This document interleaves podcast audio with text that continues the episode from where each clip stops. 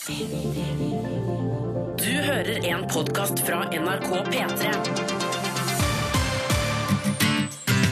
P3. Dette er Lørdagsrådet med Siri Kristiansen. På P3. P3. Hei, kjære deilige podkastlytter. I dag så skal du få boltre deg i en deilig halvannen times tid sammen med meg, Henriette Stenstrup, Håvard Lilleheie og Linnea Myhre. De har diskutert bl.a. hva du skal gjøre når eh, faren din har solgt unna en del av tingene i huset, bl.a. din konfirmasjonsdress, og beholdt eh, pengene selv.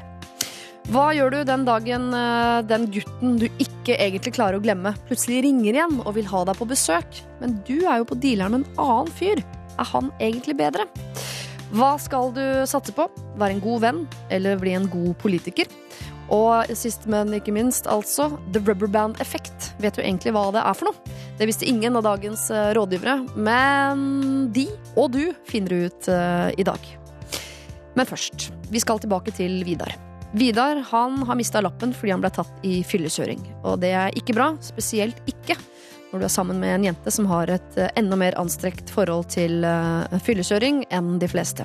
Hun har nemlig en eh, far som var alkoholisert, og i alkoholpåvirket tilstand så kjørte han i hjel et annet menneske. Han har ikke turt å si noe til kjæresten sin ennå, men nå begynner det å bli vanskelig for han. For han jobber en time unna, og han har mistet lappen i et år. Fram til nå har han fått en kompis å kjøre, han har tatt taxi.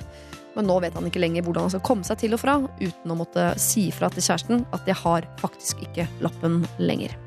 Har han sagt det? Det får du vite straks, men først skal du få høre noen av rådene som brakte han fram til sin avgjørelse. Og de er det Henrik Thodesen, Janne Rønningen og Christian Mikkelsen som står for. Lørdagsrådet På P3. Eh, Det han kan gjøre, er å si at han har utviklet en fobi for å kjøre bil. Kjøreangst? Ja, kjøreangst. Jeg, føler, jeg får, blir litt sånn svett bare av å tenke på ljug Ja. og ljug. Eh, og begynne å tenke sånn at han må dra på G-sport og kjøpe seg en ny sykkel og si 'landeveissykling, det er meg nå'. Eh, Ja, og særlig januar Vidar sykler til jobben hver dag. Er ikke det et godt prosjekt, da? Eh, Ljug med diverse sannheter i. Ja.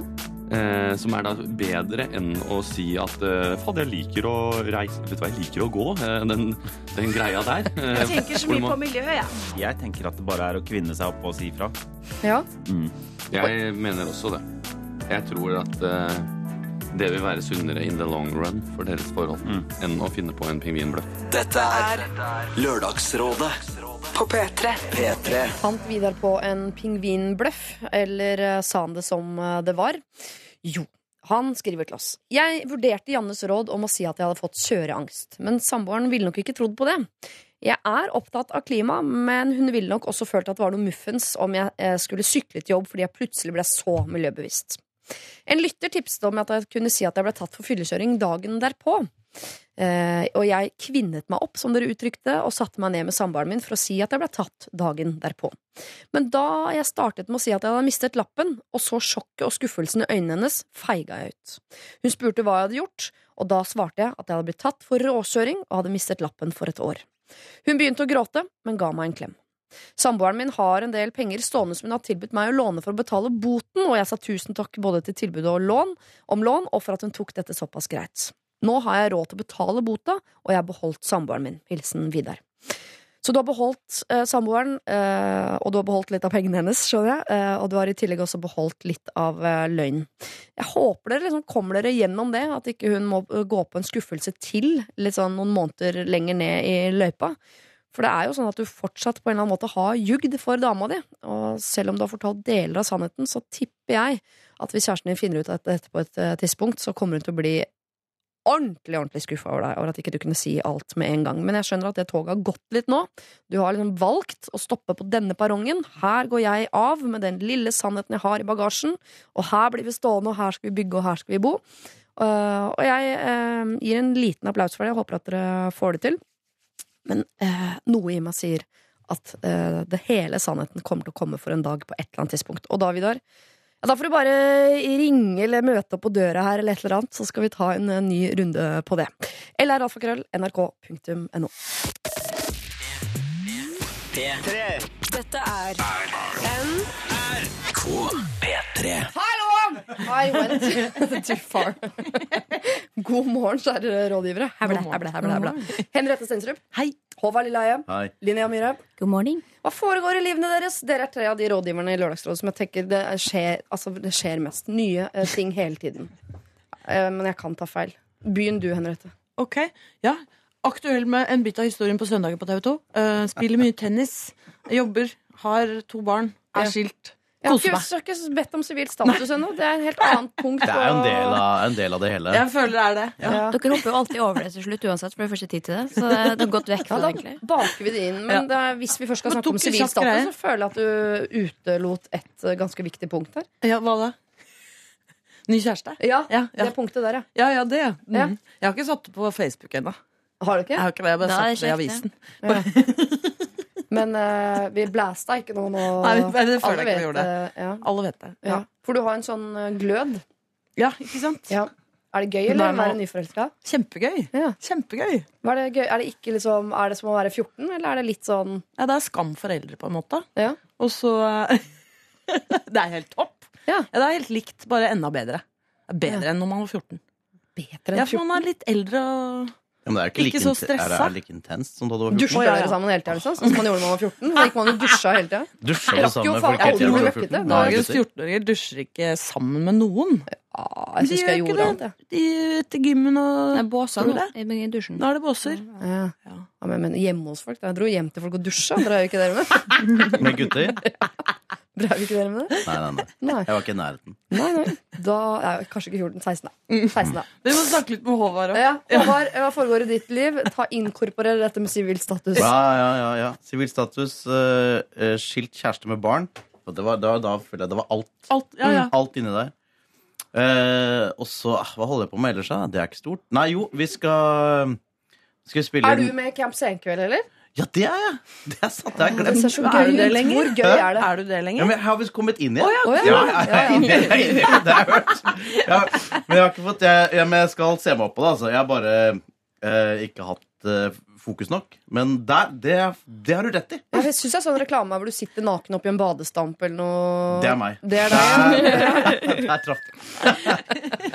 Det er, det er lille Det kom julestemning. Ja, greiene. Det var så koselig. Men eh, ja, så det er det ene. Og så skal jeg spille noe ta en sånn Stupid, eh, noen nye greier nå. Og så har jeg en podkast som heter Toppfotball. Ja. Nydelig. Bare ta for seg norsk fotball. Skal nå inn eh, under Nettavisen-vingene. Ja. Det, det, er- det er det siste. Um, uh, men har du den alene med gjest? kommentarfeltet. Er du Mm. sikker på at du skal være på Nettavisen? Ja, men det er jo ikke sånn. Vi skal jo ikke ha De, de skal jo bare fronte poden vår og ha den som sitt produkt og lage saker på det vi lager og sånn. Ja, Ja, ja, ja. Men du sier vår. Hvem er um... ja, du, det er Det vil jeg si de andre som er meg helt ukjente. Ja. Men veldig flinke, ass. Det, det er veldig rart. Jeg har aldri tenkt at det De er går an. at du eh, ikke si ja, men Du er ingen som veit hvem du er, og så er du flink. Det er veldig rart. Men de heter Martin Ropstad, Lasse Wangstein, og så har vi en fyr som heter Jørgen Kjernås, eh, som har vært litt ute, har vært noen unger og sånn, men nå er han inne igjen. Han er eh, sønnen til eh, Lars Kjernås, vet du. Kjenner, har du hørt om Lars Kjernås, Nei, Linné? Altså. Nei, han var jo assistenten til eh, Drillo i Wimbledon, vet du, da han var der. Ja. Er fotball- men, men han, Jørgen Kjernås, er helt sjuk. Han har, altså, han er, han har sånn autisthukommelse om fotball, og om breddefotball. Ja. Så veldig, det koser jeg meg med, da. Så Det, trenger ikke Wikipedia i dette han, han, er han er bedre enn Wikipedia. Ja, Altså Innenfor fotballsegmentet så er han mye mye bedre enn Wikipedia. Ja, kult. Linnea? Nei, hva, hva skal man si? Eh, jeg er i hvert fall eh, kjæreste og har, har kjæreste og har akkurat flytta. Er dere samboere nå? Det? Hvor har dere flytta? Eh, jeg flytta til Sofienberg. Fint område. Ja, veldig fint Ja. område. Jeg hadde flytta liksom ut av byen, følte jeg. Liksom, ja, Bjølsen, da. Eh, I hvert fall sammenlignet med hva jeg bodde med før. Eh, og, eh, og det føles veldig fint å komme ned igjen, på en måte. Ja. Men han er jo ute og reiser, så han er ikke så mye hjemme. Og det føles egentlig bra, for da slipper man å få liksom smellen med en gang. At man er oppå hverandre ja, 24 timer i døgnet, for det er jo det man gjerne er når man er frilansere, sånn som begge er. Og jeg er jo inne i en litt sånn roligere periode nå, så jeg er jo mye hjemme, kan du si. Eh, ja. Så det, det fungerer greit hittil. Hva gjør du på dagen? da? Sitter du og småprater med fuglene, eller skriver du bok, eller hva driver du med? Nei, jeg skriver ikke bok, men jeg skriver, jeg skriver på ting hele tida. Eh, artikler og div. Eh, og så er det jo mye ute å reise og snakke om, om bøkene. Så det blir alltid etterarbeid, liksom. Har du blitt foredragsholder? Ja, det har jeg drømt lenge. Men det er jo bare om ting i, Det er ikke om bøkene mine, jeg snakker jo om psykiske lidelser og, og spiseforstyrrelser. Altså egentlig temaene i bøkene, da. For det er jo det jeg er interessert i, ikke nødvendigvis meg sjøl. Nei. Det er også kjenner du ikke igjen i det hele du tatt. sett deg sjøl? Jo, det var jo også. i aller høyeste grad. Men det er ikke, har det er ikke at liksom Presentasjonen går ikke på at se hvem jeg er, og dette har jeg fått til, liksom. Det er på ingen måte. Det, det er en bitte, bitte liten del av det. Men bare sånn at folk skal vite hvem jeg er, i hvert fall. Det høres ut som dere har eh, mye å gjøre. Alle er i forhold. Det er koselig. Alle har, har vært der som single, faktisk. Alle tre. ja, Håvard, du lenge, jeg. lenge som singel. Du var jo, du var jo, du var jo singel et øyeblikk. Bitte øyeblikk, Mens jeg. Det var det rette. Mens jeg var jo, jeg var singel i årevis. Altså, jeg brukte tid. Ja, så Måtte kjøpe liten leilighet og bygge hem, så du var jo ordentlig ja, innom ungkars. Ja, ja, ja. Åh, du får så mye livserfaring. Ja, veldig.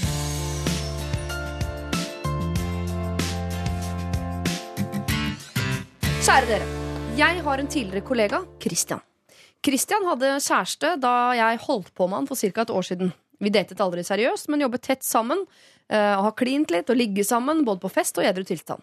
Jeg var veldig forelsket i Christian da vi var i denne koseperioden på ca. ett år. Og har egentlig aldri klart å glemme han helt. Han er min lost lover. Christian hadde jo kjæreste, og han ga meg aldri noen klare tegn på at han skulle gjøre det slutt med henne. Han sa at forholdet deres var i en dårlig periode, og de hadde vært sammen i åtte år, og han syntes det var vanskelig å bare kvitte seg med henne.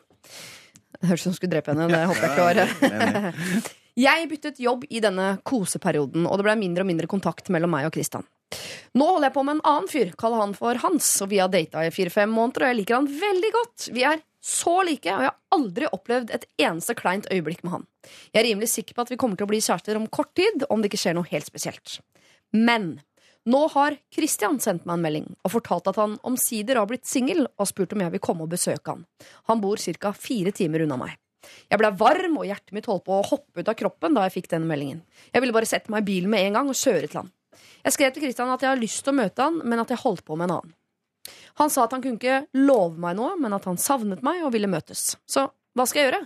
Jeg har skikkelig troa på denne Hans og meg, og vi har det så bra, men jeg klarer da altså ikke å slutte å tenke på Christian, da han er den jeg har ønsket meg i over to år, og jeg trodde aldri det skulle komme til å bli oss. Dersom jeg velger å besøke Kristian, må jeg sove over. Da det er langt unna, og det er på landet. Jeg vil jo heller ikke dra dit i troen på at det kan bli noe mer, men så har eh, single Kristian bare lyst på sex han, og selskap. Skal jeg da lyve til Hans om dette dersom jeg drar, eller skal jeg fortelle han om problemet mitt? Jeg vil jo gjerne finne ut av om Kristian fortsatt er den jeg vil ha, men samtidig ikke miste Hans i prosessen. Med vennlig hilsen Rådville Maria, 25. Så kan vi bare si at Kristian er åtte år eldre enn eh, Maria. Hans bare tre. Ingen har barn. Ok. Ja, dette er komplisert, mm. men det er ikke så komplisert heller. Nei. Uh, jeg tenker at eh, Christian, hvis, uh, det, hvis han mente dette på ordentlig, så, og hun på en eller annen måte har gitt uttrykk for at dette var viktig for henne, så ville han, idet han tok kontakt, så ikke sagt 'jeg kan ikke love deg noe'. Da hadde han sagt 'nå er jeg singel', jeg er singel også fordi jeg vil være sammen med deg, kom hit, besøk meg. Det sier han ikke. Han sier han ikke kan love henne noe. Ja. Kristian er ikke bra type. Hans er fin. Nei, og det synes jeg også, i hvert fall Når han da hadde brukt et år på å kose med henne mens han var i et forhold, og sagt at nå var jeg dårlig, dårlig Eller at det har vært en dårlig fase i forholdet, som folk som har lyst til å ha to, eh, si. Eh, Selv om det kanskje ikke er en dårlig eh, fase. Og det syns jeg er litt sånn dårlig stil på menn generelt. Hvis du har to. Du skal ikke ha to, du skal ha én. ja. Kjøre dobbelt er jo dårlig stil. Og det sier ganske mye om Christian. Ja. Ja, og at han skal da være den som er åtte år eldre, det skjønner ikke jeg da. Da er han Da, da er, har ikke han blitt voksen han heller eh, enda, og det kanskje er nok en stund til. Og jeg Det kan nok hende at Maria poengterer at denne Christian er åtte år eldre, og at han er den hun tenker på hele tiden. og sånn. Eh, hvis Maria har hørt på Lørdagsrådet lenge, så vet hun at min lokfører er åtte år eldre, og at det er han jeg har tenkt på gjennom alle andre. Tenkt, hvis han plutselig blir ledig, mm. så dropper jeg alt annet. Uansett hvor det er i livet, så dropper en slags jeg, ikke sant? eh, bånd mellom Jeg tror. Maria ønsker at jeg skal eh, se og forstå henne og si sånn Dropp alt, alle planer, sett deg i bilen, kjør ut på landet.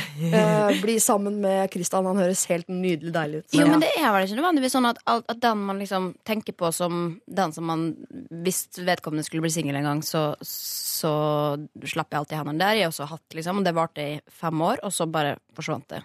Så det er ikke sånn at det nødvendigvis har nødt til å sitte igjen resten av livet. Det er ikke sånn at alt, andre, alt annet håp er lost, liksom. Hvis hun bare bruker noen år på å komme over den, så Ja. Men det er jo kanskje vanskelig å være sammen med en annen fyr hvis hun tenker veldig mye på en annen. Ja, for det er jo Hans som gjør dette her vanskelig. Hvis Vi ikke så er det jo alltid sånn, hvis du tror du har funnet den perfekte genser, det beste er å prøve den, så ser du at den sitter ikke noe fint. Den er ikke til meg, og så kan du gå videre i livet. Og sånn så tenker jeg at Maria burde prøve Christian nå som singel, og antagelig finner hun ut at «Å, den semien vi Men- trodde var der, den er ikke der. Gå videre. Men da har hun jo Ja, du mistet mener, Hans. ut, ikke sant? Nei, nei det, altså jeg, det, det trenger du ikke. Eh, hvis vi ser litt nøkternt og kynisk på dette, litt pragmatisk et lite øyeblikk. Ja. Eh, Involverer dette løgn, det du begir deg ut på nå? Løgn og løgn? Jeg vet ikke. Altså, nei, men la oss eh, altså, Nei, kan ikke ha nei, men, Hæ? Ja, ok, for fullfør. Nei, for at Et av premissene her Mm. eh, i starten er jo at eh, hun og Hans kommer antageligvis til å bli kjærester. Ja. De er ikke kjærester. OK? Mm. Så det er premiss. Det må vi Er ta vi med inn. på det? Kanskje Hans føler at de er kjærester? Nei, de er ikke kjærester. Nei, nei, de er ikke kjærester. Så da har hun jo et tidsvindu her eh, før de eventuelt blir kjærester, der hun kan dra og besøke Christian og bare sjekke det ut, Ja. Og så dra tilbake til hans. U Men ut, uten, det- uten å fortelle. Ja, Er det- men da har man rota det til Ja, på hjernen er, sin. Da, er, mener du det? Altså? Ja, det du tror det helt, er, det er helt uaktuelt, det. Nei, altså Nei. nei du, så helt sånn Vil du aldri gjort det, liksom? Moralsk sett så har du rett. Hun kan gjøre det, men hvis hun ikke vil Moralsk tulle er jo med er hodet jo sitt. Jo, men de er jo ikke sammen, sier vi. Mm. De sier nå de er ikke sammen. Da er det andre regler enn for hvis de hadde uttalt sin kjærlighet osv. Mm. Men eh, jeg bare føler at Maria burde lese Hekt.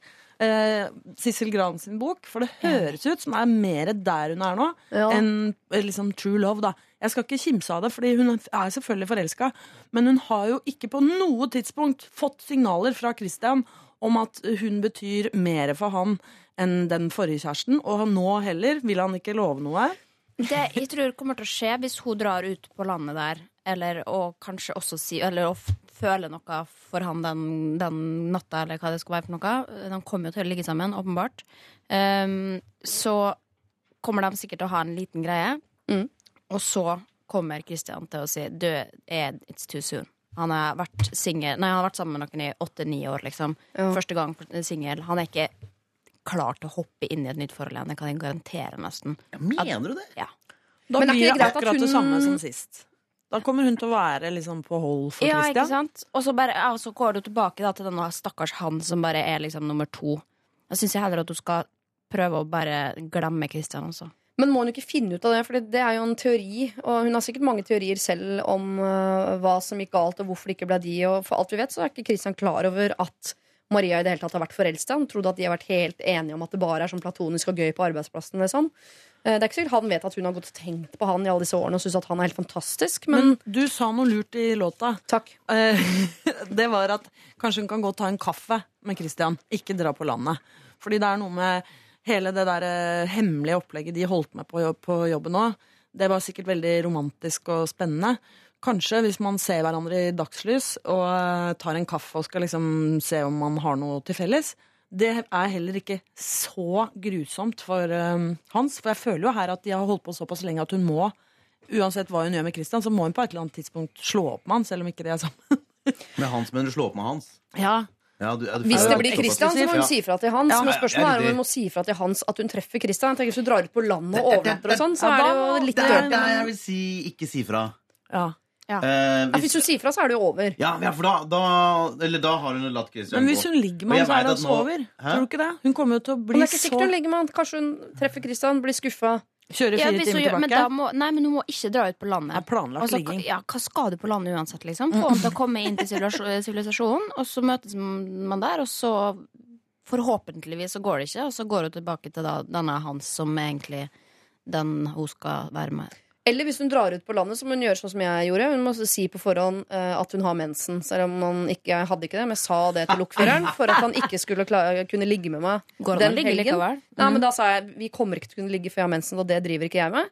Eh, og så angret jeg selvfølgelig når jeg lå ved siden av han, men det er så flaut å ligge i senga og si sånn Det der mensengreiene var bare tull.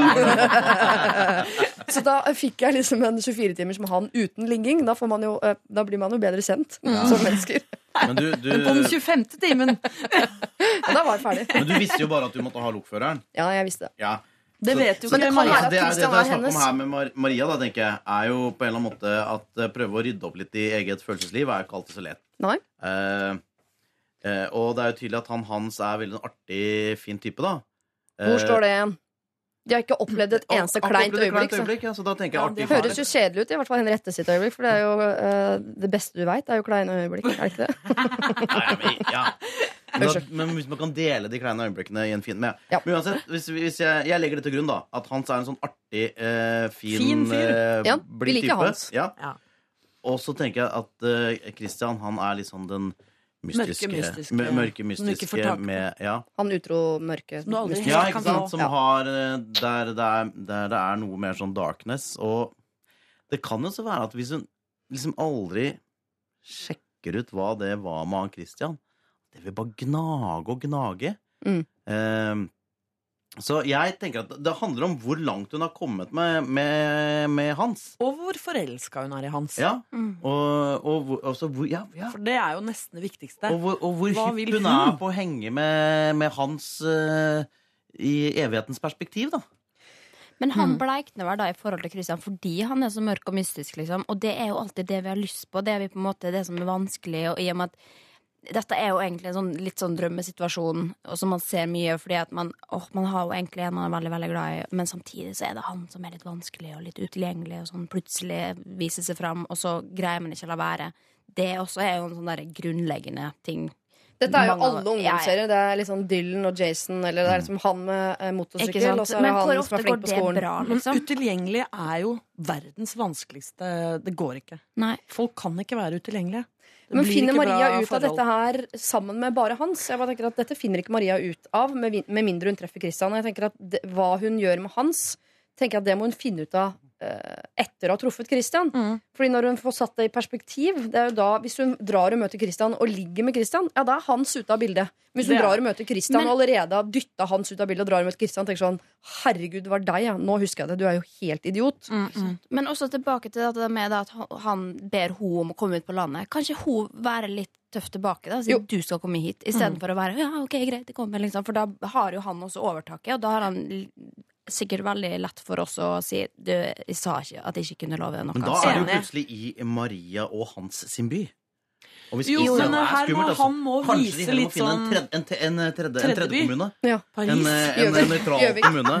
Altså det er altfor Reykjavik, da. romantisk. Ja. På en eller annen måte. ikke sant? Ja, men ikke Øst, dra Det øst, må, vest eh, det i må ikke Reykjavik. være for romantisk. Ikke og romantisk for sånn Viken på hemmelig. Reykjavik. Da Nei, går nei, de inn nei. på det samme greiene som hun var i med Christian eh, når de var på jobb. Ja. Ikke sant? Det blir sånn Mystisk, hemmelig, ulovlig, hemmelig, nei. ulovlig. Å, spennende, spennende. Nei, nei. Ta en kaffe på en Gjøvik. utrolig kjedelig eh, bakeri. Ja. og se Espa på- bollesenter eller Marché Ja. Skedsmo eller Og prøv å snakke om noe greier på et kjøpesenter, liksom. Ja. Maria, eh, Sett noen krav. Han må komme. Det er, eh, du har holdt på med han såpass lenge at du skylder han noe. Men om du skylder han noe i forkant eller etterkant, det tror jeg vi aldri kommer til å bli helt enige om. Men at Christian på en eller annen måte må på banen, det er vi også enige om. Men vi tenker at banen den er det du som skal sette. Du skal ikke spille etter hans pipe nå. Du skal ikke gjøre det han sier nok en gang. Han skal komme til deg for å finne ut av om dere fortsatt har uh, kjemi. Og så får du se hvor langt det går, og i hvor stor grad du må si fra til hans osv. For sjansen for at du blir skuffa også, er jo ganske stor. Men det viktigste her, treff Christian, men på dine premisser.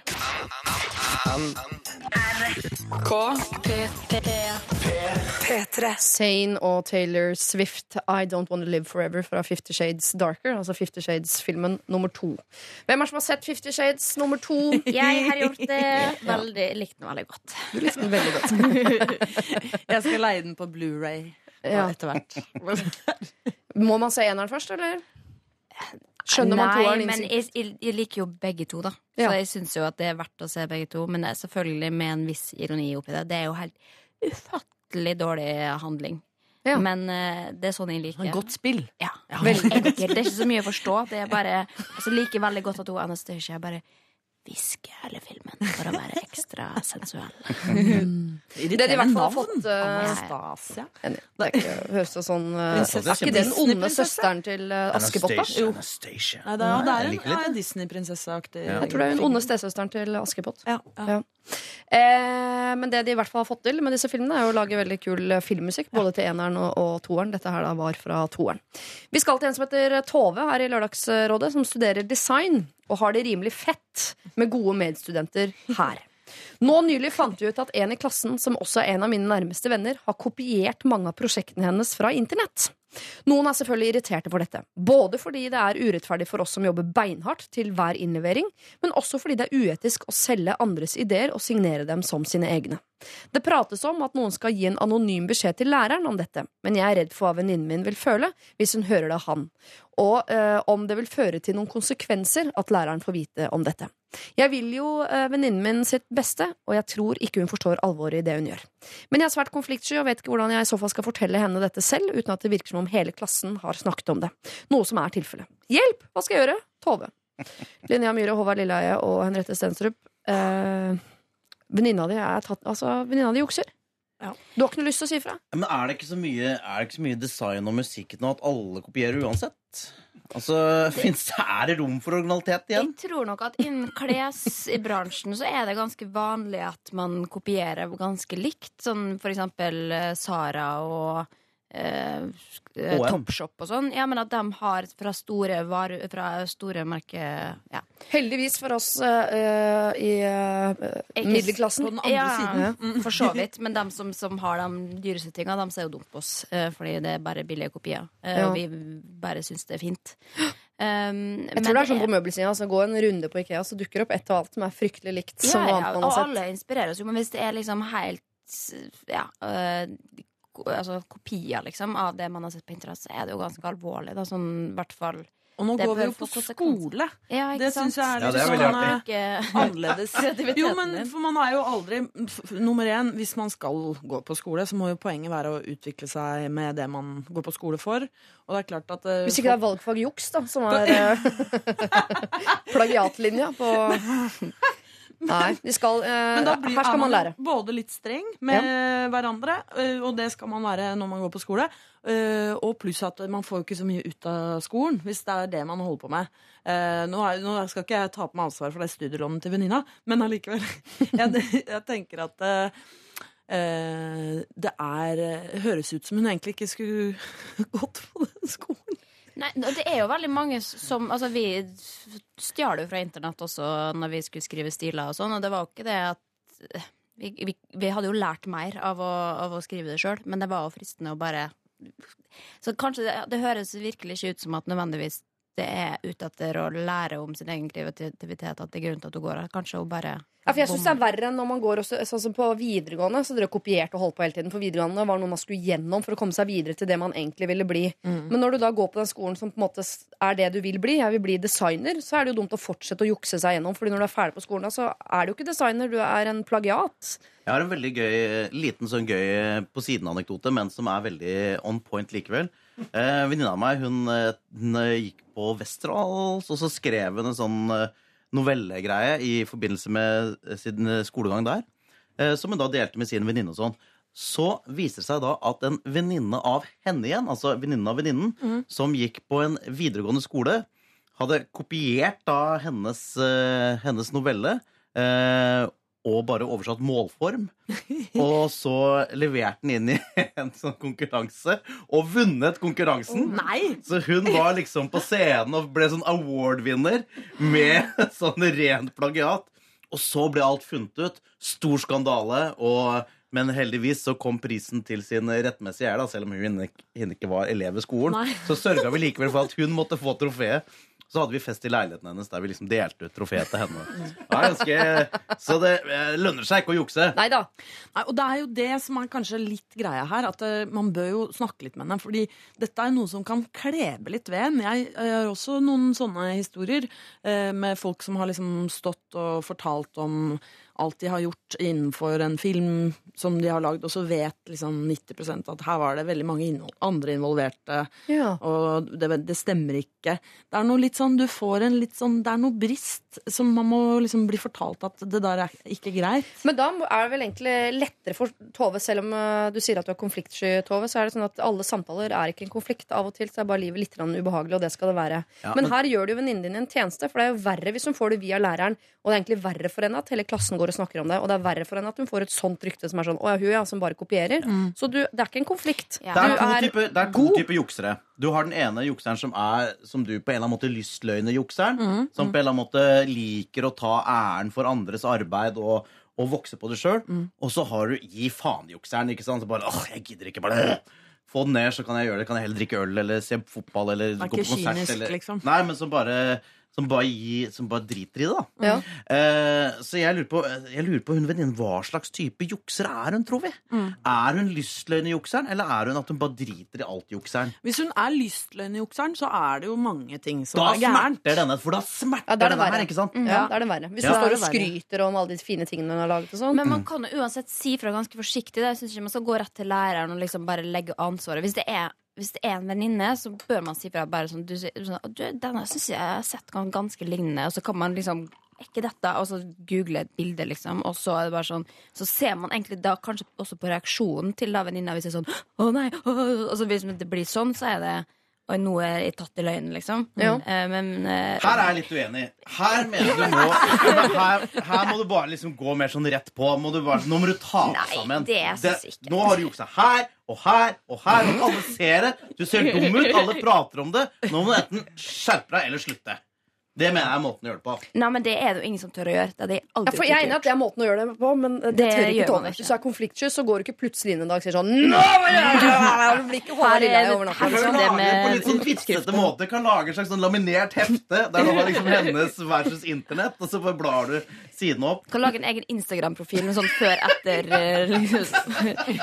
Men når vi er inne på, når vi er inne på uh, den tekniske hjelpemiddelbiten her uh, Hvis det er sånn at det er vanskelig å si dette, så kan hun vel sende en mail.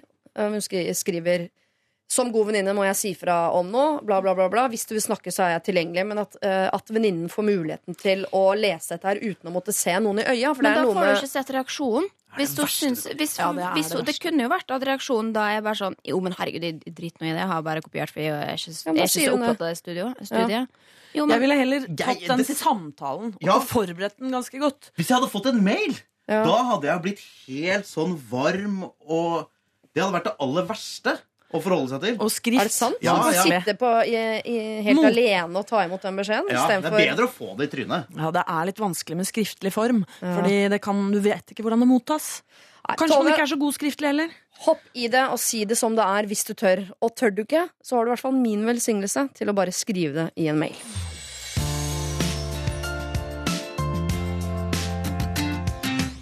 Vi skal nå til en som gjerne vil kalles uh, Jens, og det er det vel forståelse for? Eller hva, Håvard Lilleheim?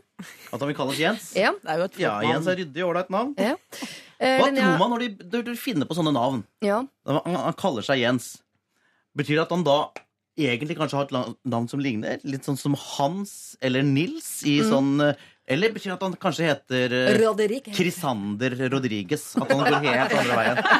Er, Fins det noe forskning på det? Når man velger seg alias? Uh, vi Jeg kan jo lese problemet, så kan du Ja, ja. kjenne om du får en følelse av at det er Crisander Rodriguez, Ja. eller om det er en mer sånn Nils-type. Han vil i hvert fall kalles Jens, da. Eh, Linnea Myhre er rådgiver sammen med deg, Håvard Lilleheie. Det er også Henriette Stensrup. Jeg er en gutt på 20 år som i det siste har vært mye inn og ut av barndomshjemmet mitt, og fram og tilbake på skole og militæret. Det vil da si at jeg ennå ikke har flyttet ut ordentlig, så jeg har fortsatt alle eiendelene mine hjemme. For rundt et år siden hadde pappa en celleperiode hvor han gikk grundig gjennom forskjellige ting som kun samla støv og ikke lenger var til noe nytte, og la disse ut på finn.no. Deriblant var den gamle konfirmasjonsdressen min. Jeg har for lengst vokst ut av den og har hatt den eh, hengende i skapet siden jeg konfirmerte meg. Hadde ikke gjort meg opp noen mening om hva som var best å gjøre med den. Problemet er at faren min bare la den ut for salg, og til og med solgte den uten å spørre meg først. Den er ganske dyr, og jeg har jo da brukt den bare denne ene gangen. Jeg har ikke sett noe til pengene heller, og han har ikke spurt hva jeg syns om det. Føles på en måte uh, som han mente han hadde gjort meg en tjeneste, men det virker mer som om han har solgt den for å få den ut av skapet. Da han fortalte meg det, ble jeg litt irritert, men tenkte ja ja, det tikker vel inn noen kroner på konto etter hvert, da. Og glemte det ganske fort. Jeg er ikke bitter for dette, men jeg syns det er ganske spesielt å selge noe som er mitt, og samtidig har en ganske stor verdi. Det er snakk om 4000-5000 kroner, uten å spørre meg først. Jeg føler meg rett og slett litt lurt. Han eh, maste på meg eh, om at jeg måtte selge unna tingene mine hvis jeg ikke brukte dem, men det gir han vel ikke retten til bare å ta dem og selge dem som sine? Hva skal jeg gjøre her? Skal jeg eh, la det gå, eller kreve at han betaler tilbake for det som er mitt? Han har jo på en måte gjort meg en tjeneste ved å selge den, men han spurte jo aldri. Hilsen litt irritert og flytteglad gutt på 20. Kall meg gjerne Jens. Veldig søt uh, problemstilling. Først- Jens, uten, ikke for å være nedlatende, men jeg føler at dette handler jo ikke om en dress. Uh, dette handler om en gutt som har litt problemer med å komme seg ut av barndomshjemmet sitt, som han sikkert er veldig glad i. Han var 20, da. Ja, men jeg... er på tide å flytte, da. Altså. ja, altså Jeg regner med at han ikke kjøpte sin egen konfirmasjonsdress. Ja. Så sannsynligvis så tenker far at eh, den dressen den husker jeg at jeg kjøpte Ja. på uh, Høyer Jeger. den, var, den kostet veldig mye penger. Mm. Uh, kanskje jeg kan få noe for den. Og han rydder og ordner sant, på rommet hans. Det, det føles litt som at det, han, det rommet hans tømmes. Kanskje han har lett, rett og slett litt problemer med det. Han vil beholde Ja, barndomsrommet Det sitt. kunne jo vært hva som helst, på en måte. Det har ikke trengt å være den dressen, liksom. Men det er jo selvfølgelig bedre at den selger den enn at den selger liksom senga hans. For det er kanskje litt mer eh, symbolsk at get the fuck out of here, liksom. eh, mens den dressen har han jo strengt tatt eh, vokst ut av. Men det er jo også en eller annen jeg også hadde blitt lei meg hvis mamma hadde begynt å selge mine ting og klær. Liksom. Det er jo mitt jeg har sagt at nå kan du selge det, liksom. Ja, Ja, mener tenk, du hvis det du gjør opp, hvis du gjør opp regnskapet her, så er det vel ikke sånn at foreldrene skylder Jens så innmari mye penger sånn Det er ikke eh, Jens etter som 20 har år? betalt for den dressen. Nei, det er jo ikke det. Det er jo ikke det. Nei. Uh, Nei, nei, men det er jo hans likevel. Ja, nei, har han brukte du den kan gang konfirmasjon. Faren har gått ut, brukt sine surt opptjente penger. Veit åssen sånt er? Det er samme som eh, når du gifter deg. ikke sant? Det er bare 'Å, herregud, det er så dyrt'. Og så må han lille idioten ha en dress. Og den må jeg kjøpe, for han tjener jo ikke penger. Og så er det utgift, utgift, utgift. Og så skal du ikke få lov til å få en femtedel tilbake ved et salg på Finn seinere. Helt merkelig. Faren min han sa til meg da jeg gikk i eh, tredje klasse på videregående, sa han ja, Håvard, nå er det jo snart ferdig med videregående. Nå er det noen måneder igjen. Og ja, jeg vil bare si at uh, når videregående er ferdig, da tenker jeg at det er naturlig at du ikke bor hjemme. Å, det forklarer hele din person! Nå skjønner jeg hvem du er! Da tror jeg kanskje at uh, du vet at da er det lurt at du finner deg din egen plass. Stiller han opp som rådgiver på radioprogrammer sånn, han faren din? Han er, han er, han er veldig overraskende nok lite interessert i offentlighetens søkelys. Ja. For det er vært sånn, Hvis du holder på med litt sånn TV-ting, og sånn så er det noen ganger så spør du foreldre om å være med. Og Han er ikke interessert. Og mutter'n har vært sånn Ja, jeg kan bli med. Herregud. Det, men fatter'n er sånn Nei, jeg er ikke interessert. Jeg er ikke interessert i greiene der. Du får bare holde på. Vestlending, introvert. Ja, ja, ja. Ja. Knallhard. Elsker pappaen din helt instinktivt Så her borte i kroken. Men ok, eh, jeg er enig egentlig i alt som blir sagt der, og det høres kanskje litt rart ut, men det er jo noe med at eh, foreldrene til Jens skylder ikke han noe. De har antakeligvis betalt for den dressen og alt annet inn på rommet osv., og, så og det kan hende det handler om noe mer, noe sårhet på at prøver du å få meg ut av huset osv. Men Jens vil jo flytte. Ja. Og det er som Linnea sier, at selv om foreldrene har kjøpt tingene, så er det jo hans. Ja Skal du begynne å selge alle tingene, Skulle de solgt snowboarden hans. Altså, Ja. Altså, Men kan han ikke spørre du, hvor mye fikk du for den dressen? For det kan hende det ikke var så mye òg. Og at det var en grunn til at den ble solgt. Kanskje far har økonomiske problemer. Altså, eh, jeg ville spurt. Ja, for hvis det var vi liksom bare for å selge, hvis for å få den ut av skapet, så er det jo rett og rimelig å spørre. Ja, kan ikke jeg få de pengene? Jeg skal flytte ut. Det er jo jeg som trenger de pengene mest her, kanskje.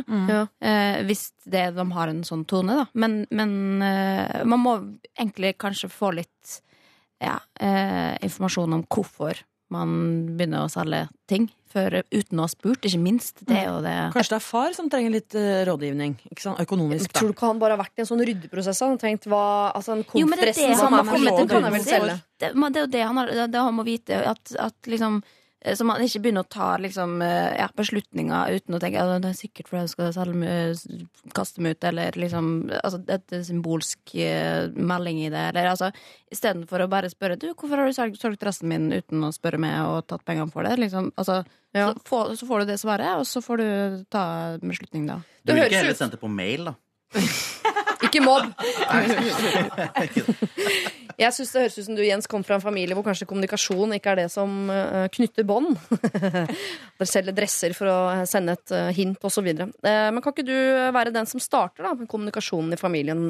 Spør hvorfor han solgte dressen, si at han kanskje skal spørre neste gang han vurderer å selge noe, men ikke krev penger. Lørdagsrådet med Siri Kristiansen. På P3.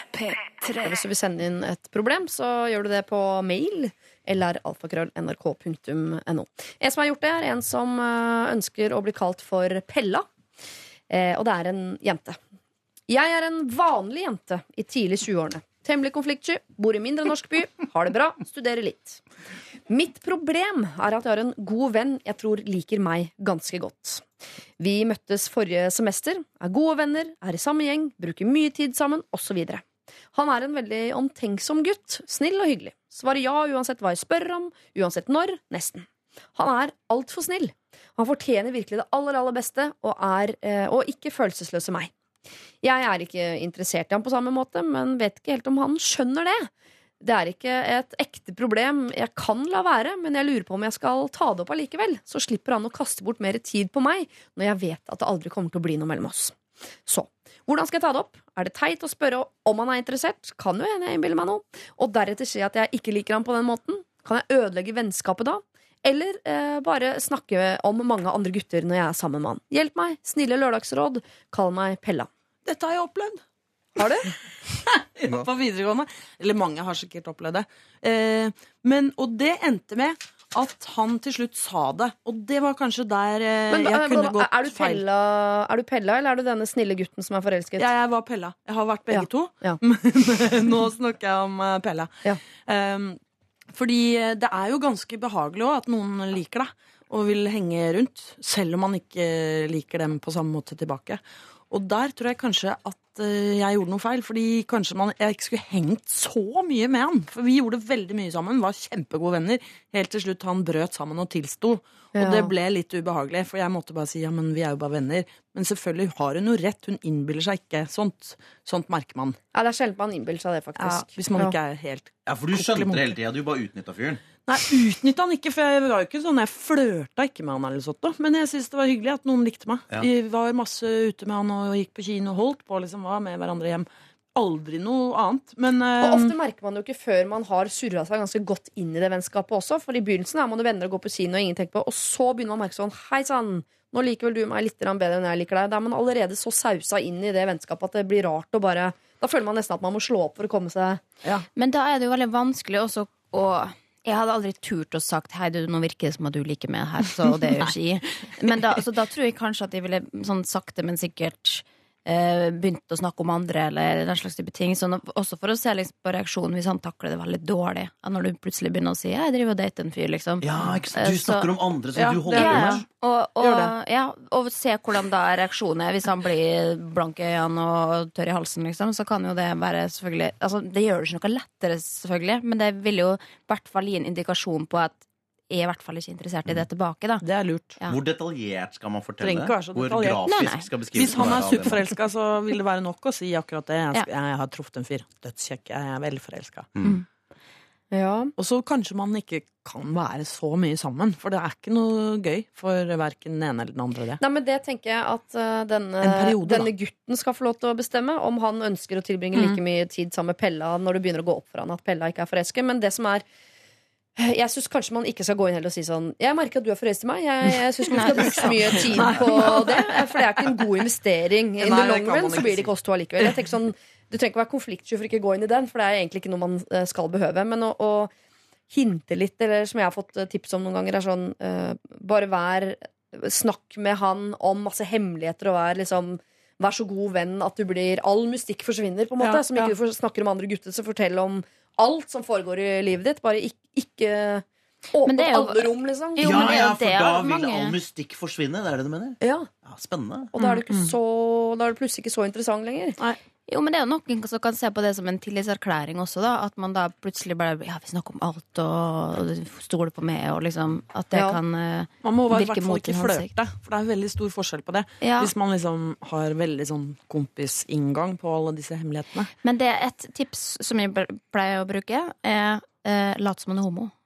da, og da, på en måte, da får man en helt annen tilnærming til vedkommende også. Og, da Og Pella sier skal man late som han er homo. Ikke Ja. at, hun skal ikke gå rundt og late som hun er Nei, homo. nei, nei, nei, nei, nei. For det blir vanskelig. Stor livsløgn å sette ut i Nei, men da, da blir ja, man litt mer avslappa At din interaksjon med, med homofile menn er annerledes enn den interaksjonen du har Med med, en gang jeg tenker det om heterofile menn, så er det Ja. sånn åh, da kan jeg slappe av.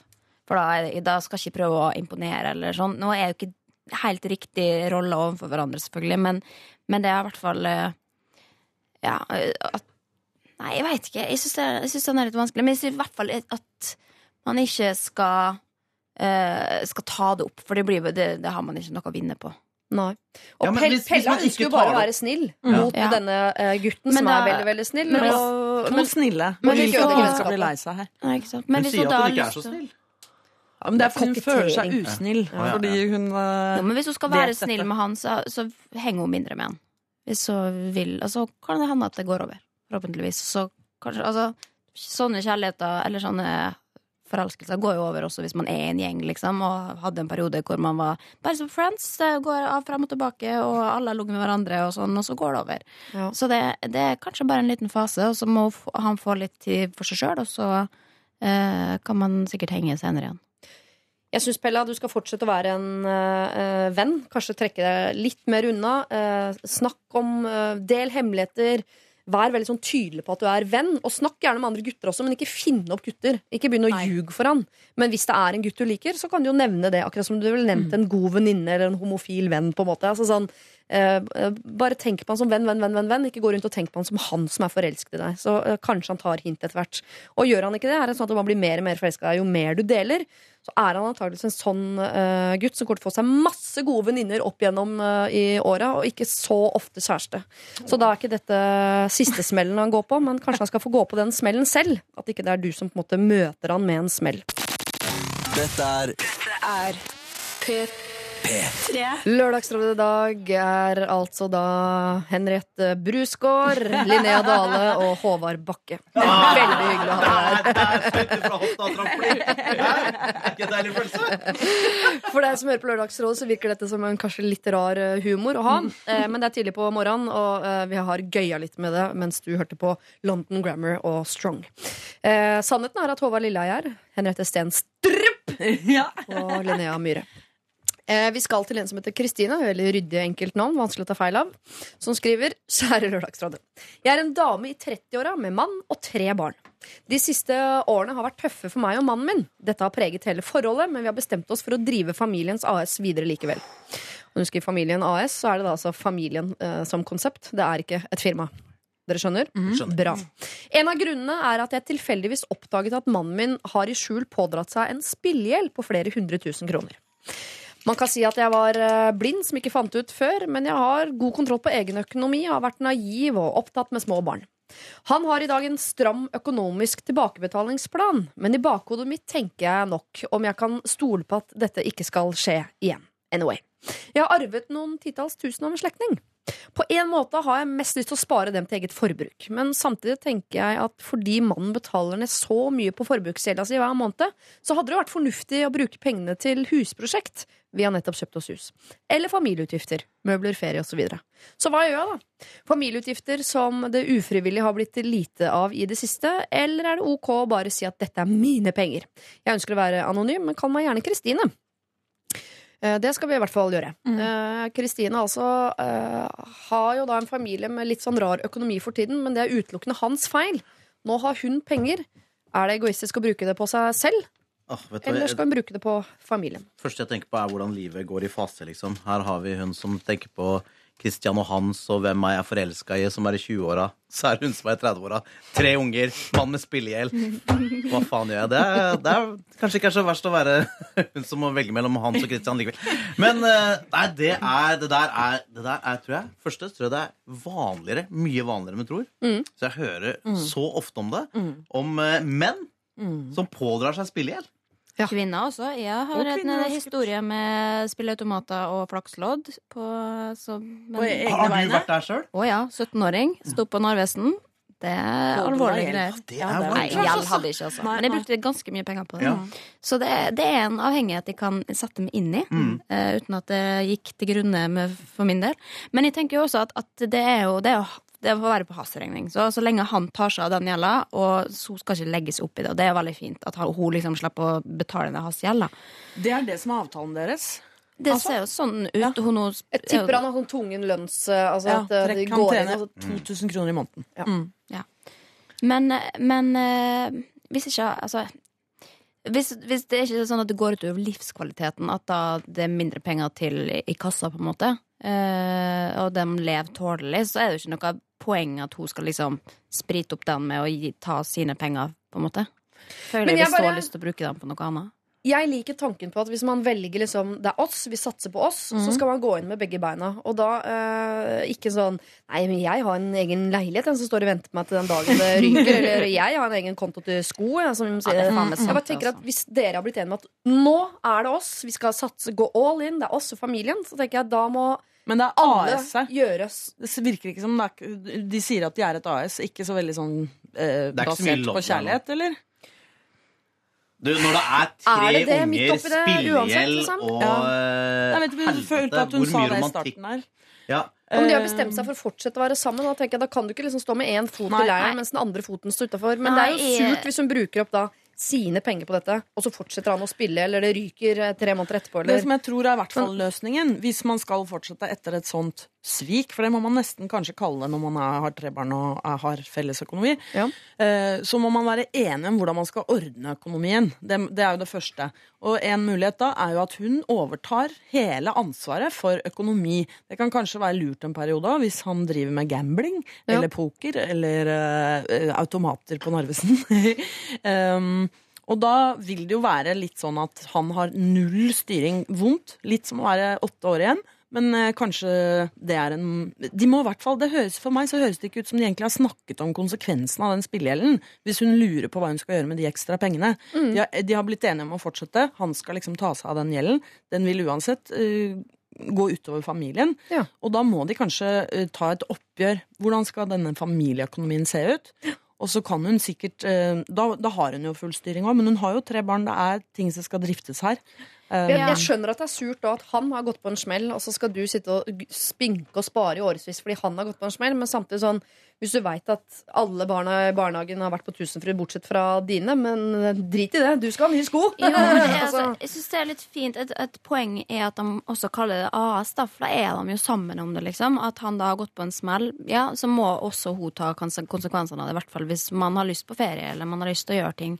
Ja. Eh, og at da må, man, da må man satse litt. Så jeg trekker meg på det jeg sa i stad, at hun skal bruke de pengene sjøl. For at eh, jeg ville nok i hvert fall ha liksom Ja, nå har han mye utgifter der, da går jeg inn med mine for at vi kan ha det hyggelig sammen. Det tror jeg nok at, at det er ryddig, både for forhold også. Hvis du sa at det var liksom litt sånn skrantende forhold allerede og var litt slitsomt, så, eh, så hjelper ikke det i hvert fall å skulle liksom tviholde på sine egne penger for, eh, for egen vinning, liksom. Det tror jeg ikke har noe for seg. Men også, som ikke var en del av problemet, dette med spilleting, altså det er jo sånne ting som er tilbakevendende, så jeg håper i hvert fall at at de har en avtale på at det er noe han får hjelp for. For det går ikke over. Du har ikke plutselig mindre lyst til å spille bare for å få hjelp. Da har du lyst bare å vinne tilbake pengene du har tapt, liksom. Og hvis han eh, nå blir tristere, på en måte, fordi hun skal liksom være sånn ordentlig hard på det, men dra på sånn venninnetur til Amsterdam og sånn, så tenker jeg da blir han mer lei seg. Større sjanse for at han går på en smell igjen. Tenker Mm. at Her må de sammen investere for å gå inn for å få den familien. Ja. Hele familien.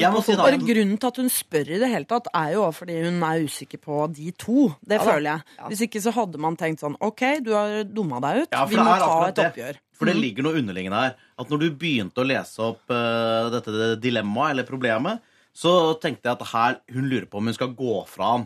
Altså, Jeg syns alt lå an til det. Eh, du kaller liksom forholdet for et AS, som også Ja, det kan være litt fint, for man er også litt stusslig. Det er litt kjærlighet der. Og så dette spillegjeldgreiene. Og så er det problemet du presenterer oss, er noen få titusener som du har arva. Eh, nei, det er noe mer. Eh, jeg tenker at det er hvis Ja, for noen titusener Ja. er ikke så mye oppi det der 100 000 ja, kroners Det er klart det føles som alle penga i verden når du har dårlig råd. Mm. Eh, men likevel, i det, liksom det store regnestykket, så er det en bitte liten ting. Eh, så jeg tol... Dette, for meg så handler dette om hun skal være sammen med han fyren eller ikke. Ja. Mye mer enn det handler om Og hvis hun, eh, ønsker, hvis hun ønsker å være sammen med han, hva er den beste måten å løse dette på da? Nei, jeg tror at hvis hun ønsker å være sammen med han fyren, så må du, som Linnea indikerer, ta ordentlig tak i han fyren. For at, eh, det er ikke gitt at han blir noe bedre av seg sjæl på det han er dårlig til. Eh, Så enten så må du Dette er en fyr du har tre unge med, så du har jo investert kraftig av uh, dine egne gener i hans gener. Eh, for, for å bruke AS-terminologien. Uh, så da må du enten på en måte gå din vei, klare deg sjæl, ha barna dine kanskje halvparten og han halvparten, eller så må du investere i han fyr, i de gode egenskapene han har, og så må han bare En spillegal fyr, han må bare passes på. Ja. Kristine, eh, du kaller familien for et AS, og jeg tenker at det er helt greit det er i noen år. Eh, Det er faser hele veien. Noen ganger dreier det seg om kjærlighet, andre ganger dreier det seg om logistikk, noen ganger dreier det seg om penger. Og så er det kanskje litt kjærlighet igjen, så det der går i bølgedaler. Men hvis dere er enige om at dere skal få dette her til å gå rundt, så syns jeg det gjelder på alle plattformer. Dere er nødt til å ta tak. Dere må ta tak i det med hans spillegjeld. Det må dere ordne opp i. At han ikke glir utpå igjen. Eh, dere må snakke om økonomi. Hva gjør vi med økonomi som en familie? Eh, og dere må, det er flere ting her dere må jobbe med. Det er ikke bare de tusenlappene som du har fått eh, ekstra. Her må dere investere fra begge kanter for at AS-et skal fortsette å leve. Dette er Lørdagsrådet På P3. P3. For her i Lørdagsrådet-gjengen i dag, så eh, den der spillgjeldproblematikken, den satte i sving noe Altså, Der ble vi eh, veldig engasjert, Engasjert. i liksom kjærligheten og hva det vil si å være familie og ah, nei, det, var, eh, det satt litt sånn støkk i meg. Jeg vil bare legge til det til deg. Du må, hvis du er sammen med en mann, så må du investere i det. Ja. Og da mener jeg ikke bare rent økonomisk. Eh, Hugo har sendt inn en mail til Lørdagsrådet. lralfakrøll.nrk.no. Og han skriver Jeg er en mann som bor alene i en leilighet i Oslo på tredje året. Bygården er svært gammel med dårlig lydisolering, så jeg hører ofte naboen på alle kanter.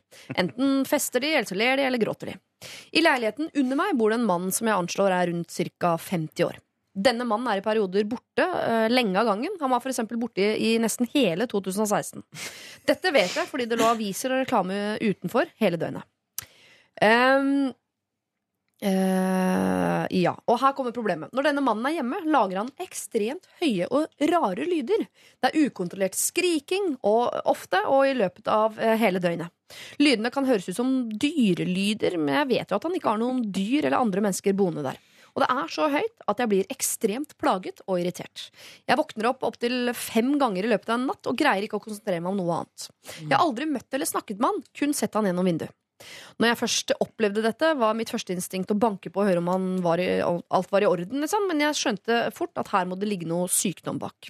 Jeg har reso- resonnert meg fram til at han enten lider av en psykisk sykdom, eller at han har en eller annen sterk form for Tourettes.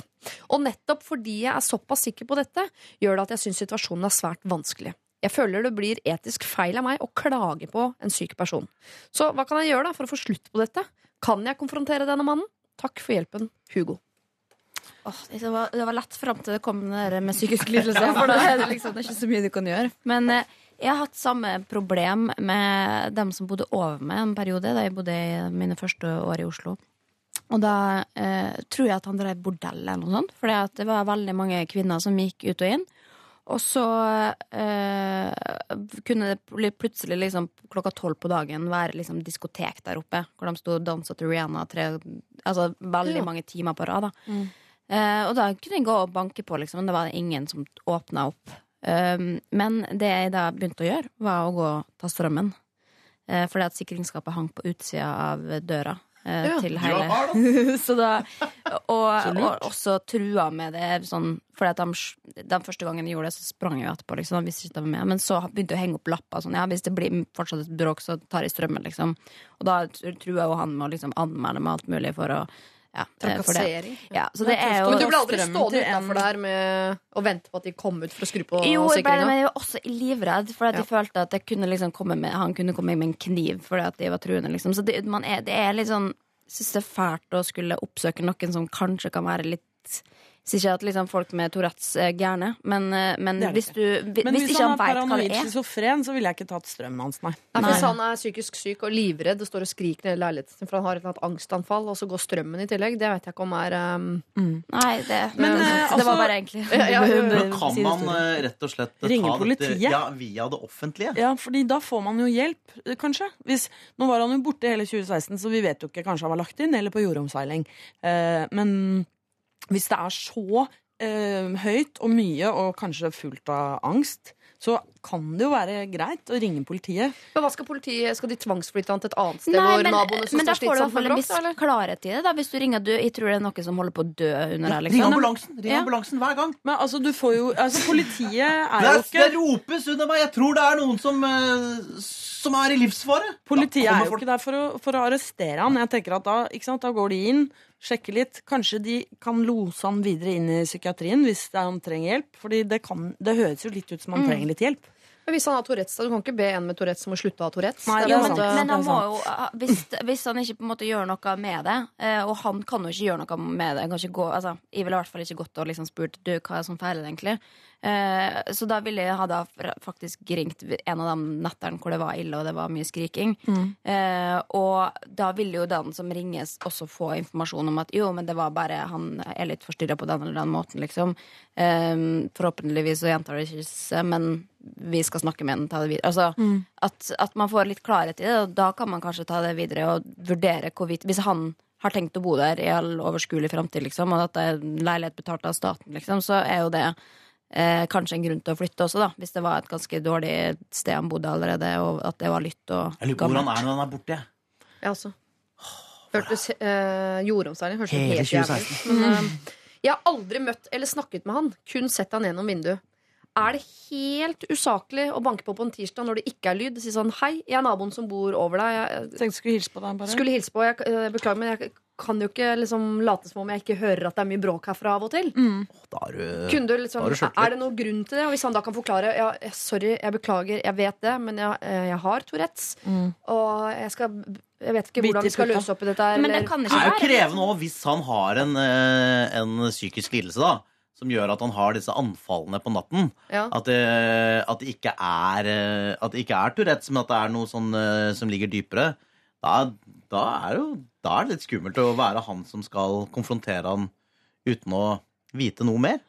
Jo, men øh, jeg, jeg klarer ikke å sette meg helt inn i det, men jeg tenker at øh, på et eller annet tidspunkt når man ikke har dette anfallet, at man når det ringer på døra, at man klarer allikevel å få formidlet at jeg er klar over det, og få satt ord på hva de lydene, hva som er grunnen til at de lydene kommer, sånn at man i hvert fall som nabo at Hugo kan få en eller annen forståelse for hva det er som skjer. Kanskje de lydene blir mindre plagsomme hvis man ikke også må tenke på Jeg lurer på hva det er. Har han være- apekatter der, eller har han Tourettes, eller er han syk, Du eller foreslår å være et medmenneske.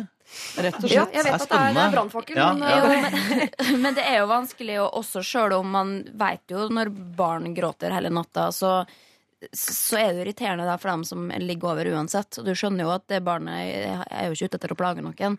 Så det er vanskelig å liksom faktisk være et medmenneske der og bare Ja, men det må barnet må få lov å gråte hver natt ett år i strekk, det, så det, sånn er det bare. Altså, Ja, men da må man starta en dialog. Det er noe forståelse. Kanskje de sammen kan At man kan gå inn med en og sånn Jeg blir jo bekymra for deg. Er det, Ja. altså, Er det at noe man man kan gå kan inn med en sånn holdning, da. han kan jo også gå og snakke med den som eier eh, borettslaget, da. Ja. Eh, og ja, sende en skriftlig eh, Bare ikke nødvendigvis klage, men bare du, vi har fått litt tilbakemeldinger på Bekymringsmelding. Ja, ikke sant? At man ikke nødvendigvis trenger å være den som går og ringer på og sier hei, what's going on? Samtidig så er det jo alternativt. Dette er jo et lytt hus. Det er fester andre steder.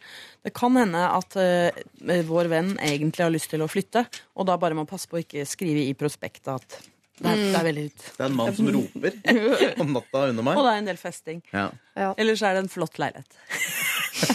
Men finn i hvert fall litt ut av hva dette her er for noe først, øh, Hugo. Så kanskje det blir lettere å takle og lettere å finne ut av hva du skal gjøre med problemet. P3. Kjære, fine Lørdagsrådet. Jeg liker det når du sier det. Har dere hørt om The Rubber Band Effect? Har dere det? Hårstrikkeffekt. er det så strikkeffekt? At du, noe slår tilbake, må det være? Ja, men det dette er altså inn i det mellommenneskelige. Det er, vi skal ikke inn i noe gummistrikk. Nei, nei, problematikk. nei, det jeg. Ja. Jeg har, Man skjønner etter hvert hva det er. Jeg hadde heller ikke hørt om det før. Jeg har dessverre opplevd dette altfor ofte og skjønner ikke om det er meg eller bare om jeg har vært uheldig med de fyrene jeg møter. De fleste gjennom Tinder. De vil gjerne møtes to eller tre ganger, men så trekker de seg unna. Jeg har opplevd at flere av dem har kontaktet meg igjen etter noen uker, men da har jeg allerede blitt såret fordi de ikke viser interesse lenger, og dermed kommet meg videre. Moren min sa en gang, etter at jeg ble avvist, at i begynnelsen må man være taktisk og ha overtaket på den andre for ikke å bli såret. Er det slik at i begynnelsen av forelskelse og kjærlighet er det et spill? Må jeg kanskje likevel playe og være litt hard to get for å få det jeg vil? Jeg møtte nettopp en eh, fyr eh, som etter noen dates begynte å fade ut kontakten. Det var eh, han som tok inch på å møtes hver gang, og han tekstet, tekstet Og han tekstet meg flere ganger gjennom dagen. Men etter siste møte i forrige uke begynte han å sende kortere meldinger med lengre tidsrom mellom hver gang. Akkurat som om han fra uke til uke eh, plutselig ble mindre og mindre tilgjengelig. Jeg prøvde å følge hans mønster for å ikke virke masete. Jeg trodde kanskje han ikke var interessert lenger, om det ikke var fordi jeg svarte på den ene meldingen, men kun med en smiley, sånn for å si 'jeg er ikke sur', men avslutter eh, samtalen så du slipper å svare. Men da sendte han en melding etterpå hvor han spurte meg om noe, så det virket som om han fortsatt ville ha kontakt likevel. Så jeg svarte ganske raskt og spurte om han hadde en fin dag, og den meldingen brukte han da over et døgn på å svare på. Og da skrev han 'jeg har hatt en grei dag, hva med deg'? Hvorfor holder han på sånn? Den meldingen gadd jeg ikke å svare på engang, for jeg kjenner at jeg blir sliten av å ikke vite hva han vil. Vi avtalte siste gang vi møttes at vi eh, skulle ses denne uken. Jeg vet ikke om han vil det lenger. Jeg savner ham jo og vil egentlig ha kontakt. Hva bør jeg gjøre? Hilsen håpløse Hilde, 24 år. Jeg skjønner, Det er altså ikke helt greit å vite hva håpløse Hilde her eh, vil. Hun vil ha konkret tips i forhold til denne gutten, om hun skal møte han igjen. Og om det er noe hun gjør, eller kan gjøre, for å ikke hele tiden bli et offer for, som jeg vil si her, the rubber band effect. Altså at folk vil litt, og så vil de ikke, og så vil de kanskje igjen etterpå. Altså den der Men stadig fram og tilbake. Det er jo dette spillet som gjerne ofte opp Altså, I 20-åra så er jo det vanlig for å Altså før man går inn i et forhold. Eh, men også når man blir eldre, i noen tilfeller. Men jeg tenker at det er nok kanskje et enda større tilfelle for det på Tinder. At det liksom Det er ikke sånn at ehm, Altså, jeg har hørt om veldig sjelden folk som har bare møtt folk der, og bare pang, og så er det eh, kjærlighet ved første blikk. Det er jo man går inn dit, eh, i hvert fall som gutt, sånn som jeg oppfatta det, som bare for å ligge. Det er jo, ikke for mange er det en knulleapp. Ja. Men hun opplever dette gjentatte ganger, føler hun, siden moren har vært involvert. Det er ikke bare han siste her. Nei, som Hilde jeg føler at det er noe ved henne som gjør at alle hun møter, bare vil møtes litt, Men- og så vil de ikke mer. Og så når hun ikke vil, så vil de. Så sånn, åh, ja. Men et ja, er spørsmål er jo da hva er det hun sier? For det får vi jo ikke vite her. Hun sier jo bare det i det siste tilfellet. Hva hun har tekstet tilbake igjen. Mm. For det er jo i hvert fall veldig mange tilfeller jeg hører om hvor jenter er litt sånn naive og skal en, en gang vite hva det er for noe. Er mer på. Ja, og at det er liksom sånn derre Ja, nå har vi møttes to ganger, hva tenker du? Hva liksom, hva er veien videre? At det, Det kan nok hende at det er det uh, Hilde driver litt med, fordi uh, det er jo moren hennes som har sagt fra at kanskje hun skal playe litt mer og være litt mer hard to get. Så det gir oss jo en indikasjon på at det er ikke noe Hilde driver med i utgangspunktet. Det der spillinga og hard to get-greiene. Så hun er Og nok litt har mer direkte åpen kjæreste. om Det virker som hun har lyst på kjæreste. Men det Ja. må du ikke si. Det er så, og det er så dumt å si det. Det er dumt å tipse om at du skal, at du skal være hard to get, men det er hvis du kommer og sier der ja, jeg har lyst på kjæreste og barn når du er 24 år, så, så kommer det til å skremme bort en gutt. Og i hvert fall hvis du har møtt den på Tinder, for der er det veldig få ordentlige menn også, som er på utkikk etter eh, kjæreste og barn. Men på, jeg var på Tinder en halvtimes tid, og der står det jo ofte sånn 'er ute etter noe seriøst'. Kan man ikke skrive det på bioen sin? Så ikke Det er mange Jo, jo, menn men- som De andre skriver det bryr òg. seg jo ikke, de kan jo bare late som om Ja, men du de også er til ute etter. høyre. Ja, mener du det? Ja, ja. Det vil jeg anta. Ja, ja, Ja. De kan vel ligge med det likevel, og så kan de jo si ha det etterpå igjen. Jeg, Liksom. jeg trodde også jeg var ute etter noe seriøst, men Ikke med deg. ikke, bare føler at vi har ikke helt den Sorry, jeg er en idiot. Jeg. Nei, ja, men det er veldig, du er veldig, det er veldig søtt, da. Ja, men det er det, som gjør det, så, det er det som gjør det så vanskelig. At Noen kan jo skrive det fordi de mener det, og noen kan skrive fordi de bruker det. Men jeg tenker at hvis, Hilde, hvis du er en som vil ha kjæreste, og du vil slå deg til ro, eh, så er det jo på Jeg skjønner at man blir liksom anbefalt å spille spillet litt for å få folk på kroken før du sier det høyt, men hvis du vet at det er det du vil, så tenker jeg det er greit å være åpen om det fra starten av, så du treffer de fyrene som er, er på samme liksom, kart Jo, som men da skal du ikke leite på Tinder etter folk som er på den turen, Hvor skal han gå da? liksom. Gå ut og møte folk.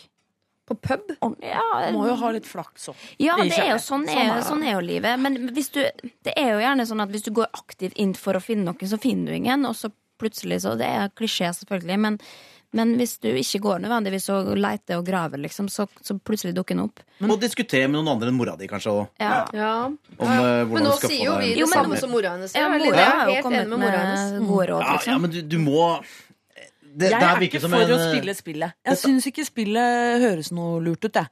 Men jeg tenker at eh, man, man blir jo ikke forelska i alle de man er på date med. Hun kan jo ikke ha vært det i alle de hun Så det er jo selve den avvisningen hun er redd for. Ja. Uh, og der må man jo gå en runde med seg sjøl. Hvis man skal være på Tinder da? Han ramla på sykkel foran meg. Det var eh, det, Og ja. Lang historie. Nei. Pladask.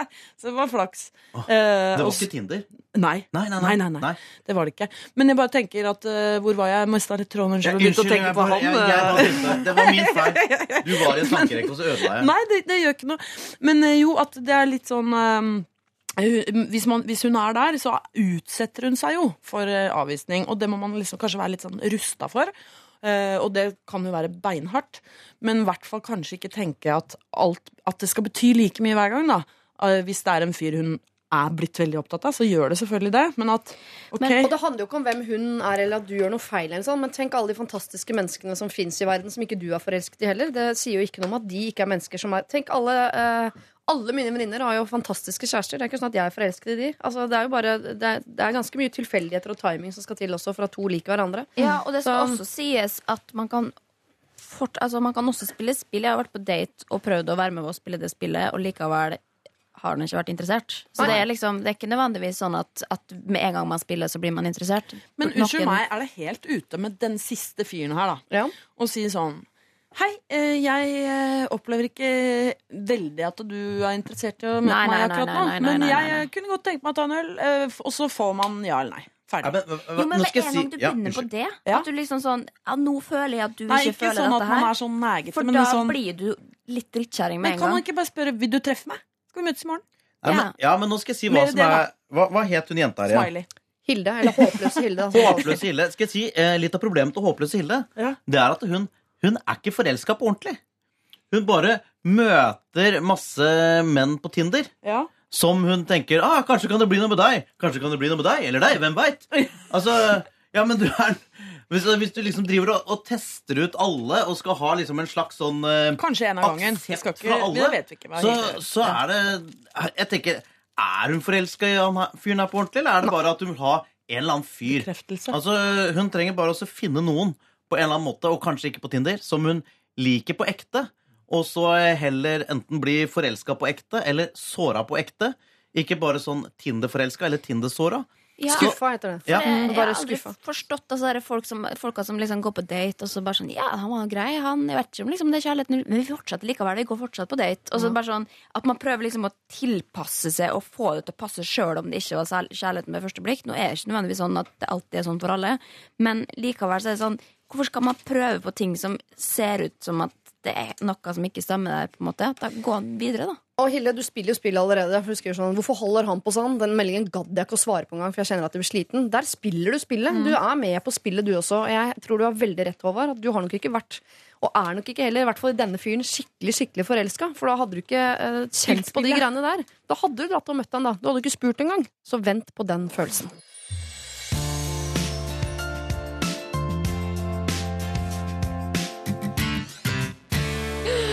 Kygo sammen med Selena Gomez, It Ain't Me. Henriette Stenstrup prøvde hardt å sjekke opp Håvard Lilleheie nå. Nei, det var bare låta, til den låta. Jeg Ja. skulle bare vise om at Hvordan det hadde gått an Ja. på et dansegulv. Fordi vi snakket om at Kygo var litt vanskelig å danse til, bare. Ja. Og hvor det absurd det var å tenke seg at jeg Skulle, skulle være han fyren på et utested som dansa hvor feil alt var. Men det var det hun prøvde. Det var det bildet hun Det var, det var presis det, altså. Men noe av det beste jeg vet, er å se venninnegjenger som spretter opp når du hører Kygo ut på gulvet, og så vet du at nå tar det ca. ti sekunder før den gjengen felles skjønner at dette er veldig sakte og vanskelig å danse til. Vi går Og setter oss av, og så danser de sånn sakte mot baren, bestiller en drink, og så setter de seg ned. Men kan ikke de bare danse sånn sexy mot hverandre? Litt sånn Fifty Shades-aktig dans? Foreslå det. Ja, jeg Ja. veit ikke, jeg. Nei. Bare, jeg bare kaster ut der. da. Det rådet var det ingen som hadde bedt om. uh, Ja, det er deilig med noe sånn bonusråd også. Det er hyggelig, det. Vi skal til en som kaller seg for Erna, og det er ikke tilfeldig det. eh, For hun er eh, aktiv i et politisk eh, parti. Hei! Jeg er aktiv i et politisk parti og har diverse verv. Til høsten skal det velges ny leder for en sideorganisasjon, og en venninne av meg i partiet fortalte meg for noen måneder siden at hun ville satse på det vervet. Selv om jeg ble overrasket over at hun ville bli leder for den uh, saken sideorganisasjonen jobber for, støttet jeg henne fullt ut i dette. Nå har jeg fått signaler om at folk tenker på meg til denne rollen. Og selv om jeg ikke har eh, tenkt på det, så har jeg jo veldig lyst nå, da. For jeg er veldig opptatt av det de jobber for. Problemet mitt nå er at jeg har ikke lyst til å svikte venninnen min og stjele det vervet hun ønsker seg. Skal jeg slå det fra meg og bevare vennskapet, eller skal jeg bare kjøre på? Hun har opplevd en del motgang i det siste, så jeg er redd hun tar det som en skikkelig backstabbing om jeg kjører på. Kall meg Erna. Altså, hvis du er Erna, så, så hadde du ikke tenkt på Jeg backstabbing-greiene. tenkte på at det var Erna hele tiden på ordentlig. Så. Må tenke litt nøyere gjennom hvilket navn du kaller Sylvi, Erna, altså de tingene der. Ja, men det er tydelig at hun, eh, hun har ikke sett House of Cards. da Nei, det er ikke er ikke, Nei, for det er ikke plass for vennskap i politikken. Nei, det er jo Nei. ikke det. Men unnskyld meg, eh, bare første spørsmålet mitt her, som det ikke blir svart på, altså. Det er eh, hvorfor har hun lyst på det vervet? Når venninna snakket om det, så hadde hun jo faktisk ikke lyst på det vervet. Så hun har fått lyst på det vervet fordi noen eh, har sagt at det hadde du passa Ja, men det er noen som har en sånn type selvtillit som er på sånn Oi, tenker dere på meg til det? Tar Ja, det med såpass stort kompliment at da kommer lysten. Sånn er det kjærligheten kjærligheten Ja. Men uansett, da hvis, Jeg ville uansett tatt en samtale med venninna mi. Ja. eh, Og hørt hvor mye det betyr for henne, og hvis det liksom betyr verdens undergang, så hadde jeg ikke gjort det. Hvis, hvis, det, for det var, hvis det ikke var noe hun hadde tenkt på utgangspunktet. Hvis hun trives godt i partiet der på sin plass, liksom, så er ikke det eh, så viktig for henne som det tydeligvis er for venninna. da. Men hvis det heller Hvis venninna unner det, det kan jo hende at hun gjør det, så må man jo finne ut av det. Men samtidig også, Linnea, hvis det er den strategiske riktige tingen å gjøre med tanke på en dag kommer komme helt til topps Ja, det er sant. i partiet og Ikke- virkelig blomstre i politikken og være nummer én, være den som bestemmer, Ikke være den som gir de andre munnkurv Ikke Det kan ikke du snakke om! Makt korrumperer. Se House of Cards og bestem deg. Vil du bli, eh, mm, vil du bli president eller venninne? Ja, da, må du, noen, da må du ta noen liv på veien. Uh, det, men jeg, synes det er litt vanskelig for meg å sette seg inn i, fordi jeg hadde aldri hatt motivasjon til å ønske meg noen av de stillingene i utgangspunktet. Enig. Så Har du ikke villet bli elevrådsformann noen gang? aldri. Mye ansvar. måned. Det har jeg. Har du vært elevrådsformann? Oh, ja, ja, ja. Ja, du er veldig sånn elevrådsformann-type. Ja. Jeg har vært det sjøl, men jeg hadde ikke lyst. Men jeg var sånn typisk så jeg, jeg er Erna, som er hun, hun som de spurte om ville være det istedenfor. Ja, okay, nå, vet du hva, nå, skal jeg, nå skal jeg ta det litt på alvor. ja. Uh, Kan jeg si en ting først? ja. Erna er vel ikke statsminister i Norge i dag fordi hun har vært så innmari god venn opp igjennom. Nei. Så det er greit å tenke på. men hun har vært god på å være venn med de riktige folka. Men uh, dette, jeg tenker at hun, siden hun kaller seg Erna og snakker om dette dette, dette er en viktig del av hennes identitet. Er at hun er da med i denne politiske, partipolitiske, vil jeg anta. Og jeg skulle, jeg skulle likt å vite hva slags parti det var! Ja, Men ok. Sier ikke det selv. eh, jeg, jeg, jeg, jeg tipper fra, fra sentrum og mot høyre, tipper jeg. Ja. Siden hun kaller seg Erna. Men eh, ja, det er bare Det er meg. Men eh, Altså, hvis hun vil Det kommer litt an på hva hun vil. Om hun syns det er gøy å være med i et politisk parti og, og på en måte være en del av det og kunne diskutere, eller om hun vil ha en politisk karriere. Mm. At hvis hun virkelig vil ha en politisk karriere, da må hun jo si til venninna si at eh, du, jeg, jeg kommer til å, å gå for det, jeg òg. Fordi jeg har blitt spurt. Og så får vi ta den fighten. En av oss blir valgt, en av oss ikke. Og da blir jo det en fin lakmustest på vennskapet òg, om det blir dirty eller ikke. Eh, så men det er klart at det, det, det, alt kommer an på hennes motivasjon. Ja. Hva hun vil. Eh, for hvis hun vil ha en politisk karriere, og blir spurt, så er det helt fair å si du, jeg har blitt spurt om dette her, jeg har lyst på det, jeg går for det.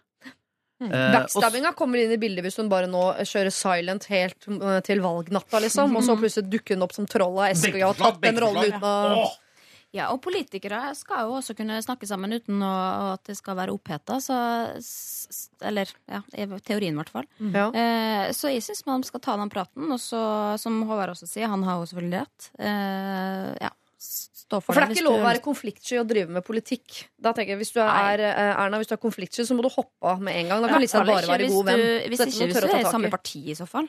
Da skal man være litt raus med hverandre. Jo, men man kan ikke være konfliktsky. Man er nødt til å tørre å ta Nei, alle det fighter. Det det Liksom. sier. Å, jeg bare hørte ikke innad. etter. Det Også innad i Jeg tenker at de, eh, de konfliktene som er innad i partier, Ja. de er jo mye gøyere enn konfliktene som er mellom folk som er på, fra forskjellige partier. For når det er innad i et parti, da er det jo ren personkamp. Da er det jo ren maktkamp. For man står for det samme politiet som bare hater den andre personen. Du får det til å høres så spennende ut. Det ble nesten fysende. Ja. Så det, det så det kan bli artig, det. Eh, Erna, det eh, du må gjøre, er å sette deg ned og tenke litt på hva du virkelig vil. Er du, eh, er du ute etter en politisk karriere, eller er dette bare kunne du like seg til å drepe med eh, tensing? på en måte? Eh, ta en runde på det. Og backstabbinga den kommer ikke inn i bildet før du på en måte holder dette helt hemmelig. Du må jo snakke med venninnen din. Se på det som en øvelse i din eh, mulig fremtidige karriere som politiker. Du må kunne snakke med de du eh, deler parti med, om hva det er du ønsker eh, P.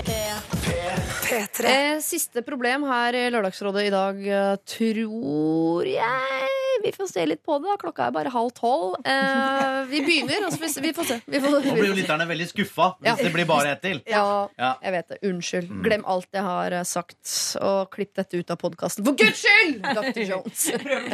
Ja, ja, ja. Dere, vi skal eh, til eh, Kirsten og Karsten Giftekniv. Veldig gøy å se dere live på onsdag, skriver de. Vi var der, jeg og samboeren, og storkoste oss. Vi var jo på Rockefeller på onsdag. Der var jo ingen av dere med. Det beklager jeg på det dypeste. Gang. sure. Ja. Jeg har ikke akkurat et problem, men jeg kan likevel tenke meg å få litt råd fra dere, eh, som er vise og erfarne rådgivere. Jeg håper dere er gode på dating, og da spesielt å sette opp andre på date. Det er det jo ikke så mange som er gode på, eh, dessverre, men vi kan prøve. Samboeren min har en singel bror, og jeg har en singel venninne som vi tror kunne kanskje passe godt sammen. La oss kalle de Lars og Ingrid. De er begge glad i å gå tur og live på landet. Hun bor på landet og skal arve en gård. Han bor i by, men drømmer om å bo på landet og kan gjerne tenke seg en bondegård en dag. De har aldri møtt hverandre og bor ca. 1 12 time fra hverandre. Ingrid jobber i Oslo, og det er mulig for Lars å ta toget til Oslo. Vi ønsker å få disse to til å møtes uten at det blir kleint, men at de skal få muligheten til å snakke og bli kjent med hverandre. Det som er mest obvious, er vel å arrangere en fest. Og vi kan godt gjøre det, men er det noen andre gode forslag for hvordan vi kan få de til å møtes, hvor de får optimale muligheter til å gjøre noe artig sammen? Jeg og samboeren er ikke veldig partymennesker, men om fest er den beste settingen, så skal vi ordne det, altså. Det hender vi gjør det òg. Jeg bare tenker at det ikke er sikkert at de får snakka noe særlig sammen på en sånn fest, og jeg lurer derfor på om dere har noen andre gode forslag. Kirsten og Karsten Giftekniv. Dette var jo veldig hyggelig dilemma. Ja. Det er jo ikke et dilemma engang. Um, men hva Fest trenger det jo ikke være, men hva med middag? Hvor det ikke bare er fire stykker, men åtte eller ti. Ja, det tenkte jeg også på. Det trenger ikke være liksom hæla i taket og låvefest, liksom. Um, med fri tilgang på alkohol, men at det er en litt sånn derre ja, voksen middag for mer enn At det ikke blir en sånn parmiddag, men at det blir litt sånn hist og pist, liksom. Og så- Formiddag er så kjedelig. Nei, jo, men det, det, det, det? det Ja, skal ikke være koselig Ja, okay, det er koselig, da. Jeg blir bare ikke invitert. Ikke. Nei, det er det. det, er det. Mm, ja. Nei, men at man, at man har også For jeg føler at det er feil å skulle sette dem sammen, for da blir det kleint uansett. Hvis det er to mennesker som blir Får vite at du passer ja, skikkelig ikke sant? godt. Og date er jo kleint nok i seg sjøl, og så er det noen som da har tvunget dem sammen i tillegg. Altså hva de skal hoppe i fallskjerm, eller liksom fordi at det skal være en gøyere ting enn å bare gå og drikke kaffe, Hva liksom. med en hyttetur, da? Er det, helt, er det for drastisk, eller? Men hva for jeg tenker sånn Det er jo, det er, det er jo det er gøy å lage, liksom. å lage en sånn setting der du legger sånn alt opp til at de skal ligge med hverandre. At uh, ja, Bli med på hyttetur, og så Forresten, pass, pass på at de andre Å nei, alle andre køyer er visst tatt, ja. Det var dumt. Ingen andre kunne komme, det er bare dere to. Ja, ja, men da har jeg fordelt oppgavene. Da skal dere to gå og hente vann, og så Eller så kan du jo melde på begge to på Farmen og håpe at de kommer med der, da. Ja, ja det, men øh, det er kanskje ikke så dumt, faktisk. Men det er ganske trangt nåløye. De er vel ikke Ja. kjendiser? Nei, men det, Det fins vanlig farme. også. Gjør det? Ja, ja, ja. ja, ja. Det er Først og fremst det. Det er superpopulært. Ah, eh, men, uten dere, kjendiser? Eh, uten kjendiser, ja. Det har vært 99 sesonger med det, og én med kjendis. Spennende. Alle de andre har mista. Ja. Kjendis, den elska jeg. Men noen av dem har blitt kjendiser etterpå. Det er Kanskje det du blandet. Både Gaute Grøtta Grav og Live Nelvik. Og det har jo altså dukket opp en del kjendiser i etterkant. Nei. Ikke mer i Farmen. Ok. Eh, eh, hvor var det jeg skulle Ikke avbryt meg mens jeg tenker. Jeg bare fyller på ord mens jeg tenker som om Der, ja. Ja, vi er helt enige om alle sammen at dating er kleint, og at det er kleint å bli satt opp to stykker og sånn. Men hvis vi er enige om det, Mm. Hvorfor kan man ikke bare, samme om det er litt kleint eller veldig kleint, det kan ikke bare gå rett på da, og si nettopp dette? Dere to hadde vært perfekte sammen. Kan ikke øh, dere to møtes? Jo. Og I stedet for å røre rundt i grøten og lage fester, og at det skal være tilfeldigheter. Kan ikke bare gå rett på? Dere har vært perfekte sammen. Jo, men da blir også forventningene så innmari store og, om at dette skal funke, liksom. Tror jeg at det, For å Jo, men det tar jo ikke bort hvis de to er full klaff. Så tar det jo ikke bort det. Og funker det ikke, så bor de jo faktisk langt nok unna er hverandre at de aldri trenger å møtes igjen. Men man vet jo hvordan det er å gå på date. Du greier jo ikke å være det sjøl. Du går inn med, med den ja, Du prøver og så godt du ja, nå skal jeg være meg sjøl, nå skal jeg bare slappe av. Og sånn Og så hvis noen har en forventning om at dette skal klaffe, eller sånn, så, og så skal du, bli, altså skal du prøve å imponere, eller ja. Ja, for det som er ofte da, problemet med- da, og ja. da greier du ikke å, å gi det inntrykket du har lyst til å gi, og så kanskje klaffer det ikke da fordi at det er egentlig to personer som ikke greier å være seg sjøl fordi at det er satt i en rar setting. Og Derfor er det mye bedre at man ikke veit det på forhånd, får møtes tilfeldig og får finne ut disse tinga sjøl. Jeg som liker ja, best sånn okay, ærlig rigg, som du sier, Siri. At eh, hei, dere passer kjempegodt sammen, og nå lager vi middag, liksom. Men en uh, uærlig rigg er jo at man uh, sier sånn Hei, skal- vil dere være med på Over Oslo 25. juni? Eller når det er. Eh, vi har eh, fire billetter. Og så, en halvtime før, så kan ikke de to. Altså Kirsten og Arne Giftekniv. Kirsten og Karsten. Ja, Kirsten og Karsten. Sånn at de står der, da. Og så Ja, hei sann. Kult, hvordan kjenner du Å ja, du er søsteren, var det. Men i hvert fall. Det er en god idé. Ja. Ja, men hva En god idé. Skal Ja, det er en god idé, Ja. men det er bare for at vi, vi, vi må finne et scenario hvor vi vet at de to snakker mye sammen. Jeg syns aldri verken på fest eller konsert eller kino Nei, så får man ikke så mye tid til å bli Nei. kjent med hverandre. Det jeg vil si ofte er Hyttetur. problemet da med date, ikke sant? Med en vanlig date, det er at man alltid går og lurer på skal vi ligge med hverandre eller ikke. Uh, og så er det det som ofte gjør at man blir litt sånn uh, At den forvent rare liksom, spenningen ligger i luften. Mhm. Ofte så bør man sette folk opp sånn at de får ligge med hverandre fort. Så den går over. da, ja, da, da flyter ofte praten bedre etterpå. Det er det vi, at vi gjør det i feil rekkefølge. At vi liksom skal Prate og så ligge. Du vil heller ha ligging og så prat. Hvis man da, hvis man Det da kan man ikke være ærlig på. Har du lyst til å ligge med broren min? Fordi Jeg tror tissen hans hadde passa perfekt inn i tissen din. Kan ikke dere bare Og så får vi det ut av verden, og så kan vi spise middag. Men Ok, er Da har vi tydeligvis forskjellige meninger om hva som er hovedproblemet med en date. Du mener at liggingen kom for seint. Jeg mener at dater er for kort. Så man rekker ikke å egentlig bli sendt. Jeg mener at alle fester og alle dater og alt varer for kort. Fordi den gangen man egentlig blir sendt, er dagen etter til frokost. Derfor mener jeg at alle fester må ha en frokost dagen etter. Det er da man rekker å snakke sammen. Så jeg mener at de må dra på en tur der de må være sammen over tid. Og hvis ikke dere vil at det skal være helt sånn åpent, sånn at de sier til begge at dere er perfekte for hverandre, så kan vel Karsten si til broren sin sånn Du, hun venninna til uh, Kirsten, Ikke dum. ikke dum. Hun tror jeg er perfekt for deg, sånn at han kan gå inn i jaktmodus, og hun er uh, uvitende bytte. Og nå er det jo sånn påske og greier. Kanskje ta litt, leie en liten hytte og få en, en lang weekend, da. Og litt ski og litt eh, gløgg og Kanskje et ett par til. Men Ja, ikke. ja, de kan godt være en liten gjeng, men jeg mener at enten denne eh, Lars eller denne Ingrid må være klar over at her er det en du skal følge spesielt godt merke til. Spesielt følge godt merke til. Ja, og så må, man- og så må man avtale sånn Ja, men da går vi og legger oss opp. Så og legger oss opp. Det går av Og så seg er sjøl. Det tror jeg bare Karsten de to igjen. og Så er det spenning, og så skjer det ting. Men det skjer naturlig på hyttetur. For det er så Ja, det få gjør det. folk, lang Mm. tid. Men ikke, ikke bare fire stykker. Det blir for obvious. Da er det sånn Et par Ja, til. ja, da er vi, så er dere, liksom. Ja, eller fem til, liksom. Altså Men det kan ikke være fem Ikke- heller. ikke Det kan fem ikke være par. én singel til. Jo da, det går bra. For da blir Nei, det ikke singel. Nei, En til i par som trenger litt sånn tid vekk fra Ja. Ok, ja. En som ja. er, er blitt kasta ut Og så hjemmefra. setter du opp oppgaver sånn Vi to lager forrett, dere to lager hovedrett, dere to lager dessert. Ja. Jo, men nå skal, de må ikke gjøre alt sammen heller. Da blir det jo veldig Obvious. Ja. De må få velge litt sjøl òg. De er voksne folk. Spennende innspill. Kirsten og Karsten, eh, dere Bra prosjekt. Bra prosjekt. Eh, dere trenger ikke å arrangere en fest, men kanskje kan arrangere en tur, eller som jeg gjorde i sin tid. Jeg arrangerte sånn raftingtur til Sjoa med en hel gjeng. Der var det en bånd som knyttes, for å si det mildt, og man opplever ting som er skummelt sammen. Og man er eh, våte og kalde, og så blir man tørr og varm, og så drikker man litt. Ikke sant? Få på en tur, en opplevelse. Gi dem litt tid. Bastua Og hvis dere vil, så kan dere Sa du masturbering? Nei, badstua på Søringa. Nei, gud a meg. nei. Ville jeg aldri sagt. Ikke gjør det. P3 Dette er Lørdagsrådet på P3. P3 Vi bor i en såkalt studentbolig. Vi er fire personer som deler kjøkken, men alle har hvert sitt bad og rom. Det er meg og tre gutter. Jeg og to av disse guttene er venner og finner på en del sosialt sammen, f.eks. arrangere fester og spillkvelder. Problemet gjelder imidlertid tredjemann. Ingen vet hvem han er. Vi ser han nesten aldri, og når en av oss ser han, så er han på vei inn eller ut døra til kollektivet. Han ser ut som en ganske fersk student, og han kom inn i kollektivet vårt i fjor høst. Jeg har nå altså bodd vegg i vegg med en fyr jeg ikke har hilst på engang. Han bruker ikke felleskjøkkenet, selv om det ikke er kjøkken på rommene våre, noe som er svært mystisk og merkelig. Jeg antar at han er fryktelig sjenert. Jeg får vondt av han. I tillegg til at jeg syns det er ubehagelig å bo vegg i vegg med en fyr jeg ikke aner hvem er. Jeg har for eksempel begynt å låse døra til rommet mitt når jeg bare skal ut en liten tur, noe jeg aldri gjorde før. De to andre jeg bor med, har heller ikke pratet med han, så hva gjør vi med dette? Hjelp! Lotte. Men hva er det med at de ikke har banket på og sagt hei, skal vi snakke litt? Noensinne? Det skjønner ikke jeg. Ingen av de tre har Banka på deg? kommet til en situasjon hvor man liksom Velkommen til vårt kollektiv. Han har en Vil du ha en dame et brus? annet sted, tenker jeg. Ja.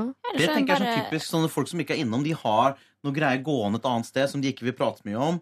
Eh, Ja. Har en eller annen eh, Men siden hun låser døren, t- kanskje hun tror han er kriminell. Ja, men det er oppi hennes hode. Ja. Ja, ja. Ja. Han er sikkert bare litt sånn der midt eller sånn World of Warcraft-fyr som liker bare å spille og gå på skolen og that's it, liksom. Og det er ikke noe galt i det, men, men klart at hvis det går utover deres sin bosituasjon, så, så er jo ikke det bra. Men da tenker jeg også sånn som i forrige dilemma med, med en fest, uh, hvor han blir invitert, og at hvis vi skal arrangere, så er det viktig at du er med også, for at vi skal faktisk bli kjent. Det var en ganske fair ting å si. Ja, I hvert fall invitere han inn til et eller annet. jo, men da er det eh, sånn, jeg tipper at da Nå er det fredag. Ja, ikke sant? Men at, jeg tipper at han da er en sånn fyr som sier nei. Antageligvis. Ja. Men jeg synes det er veldig rart. Vi får en del studentboligproblematikk inn til Lørdagsrådet. Enten sånn at det er en som er surere enn de andre, eller altså det er mye sånn uenigheter. Sånn, Sånn, Når man velger å flytte inn i et bokollektiv med mange forskjellige mennesker, så må disse mange forskjellige menneskene få ha mange forskjellige personligheter. Det er ikke sånn at man blir enige om Innenfor disse kvadratmeterne så har vi en sånn personlighet. Så han her er litt annerledes enn de eh, tre andre som bor der. Og det må være greit. Det er ikke sikkert han vil være med på hverken fest eller spillkveld. Kanskje han har dame et annet sted, kanskje han er dypt inn i World of Warcraft, et eller annet. Det er greit. Men det rare er at de ikke vet hvem han er. Så en annen sånn form for sånn man slipper å være redd når man bor vegg i vegg. En annen sånn form for sånn hvem er du? Eh, Hva heter du? Har du en bror? Altså en eller annen bitte liten samtale. Ja, men da kan man vel kanskje være ærlig og si at vi bare lurer på hvem du er. Det er ikke sånn at vi nødvendigvis skal Det er ikke hvem er du? Jo, men, men det, det må være helt streit hvis du Ja. bor i samme hus som en fyr som du ikke aner hvem er eller hva driver med, liksom. Det, altså, eller studerer den, for den saks skyld. Altså, øh, det er jo ikke sånn at de da skal integrere han nødvendigvis og bli med på alle fester og alt mulig. Det er jo, folk er jo forskjellige, og det skal man respektere. Men for egen sikkerhet og alt mulig også, så vil man jo vite hvem det er, og, han kommer nok til å svare på den spørsmålet. Hvis han, det er jo ikke sånn at han ikke svarer på det. Han kan Kanskje han si- er engelsk.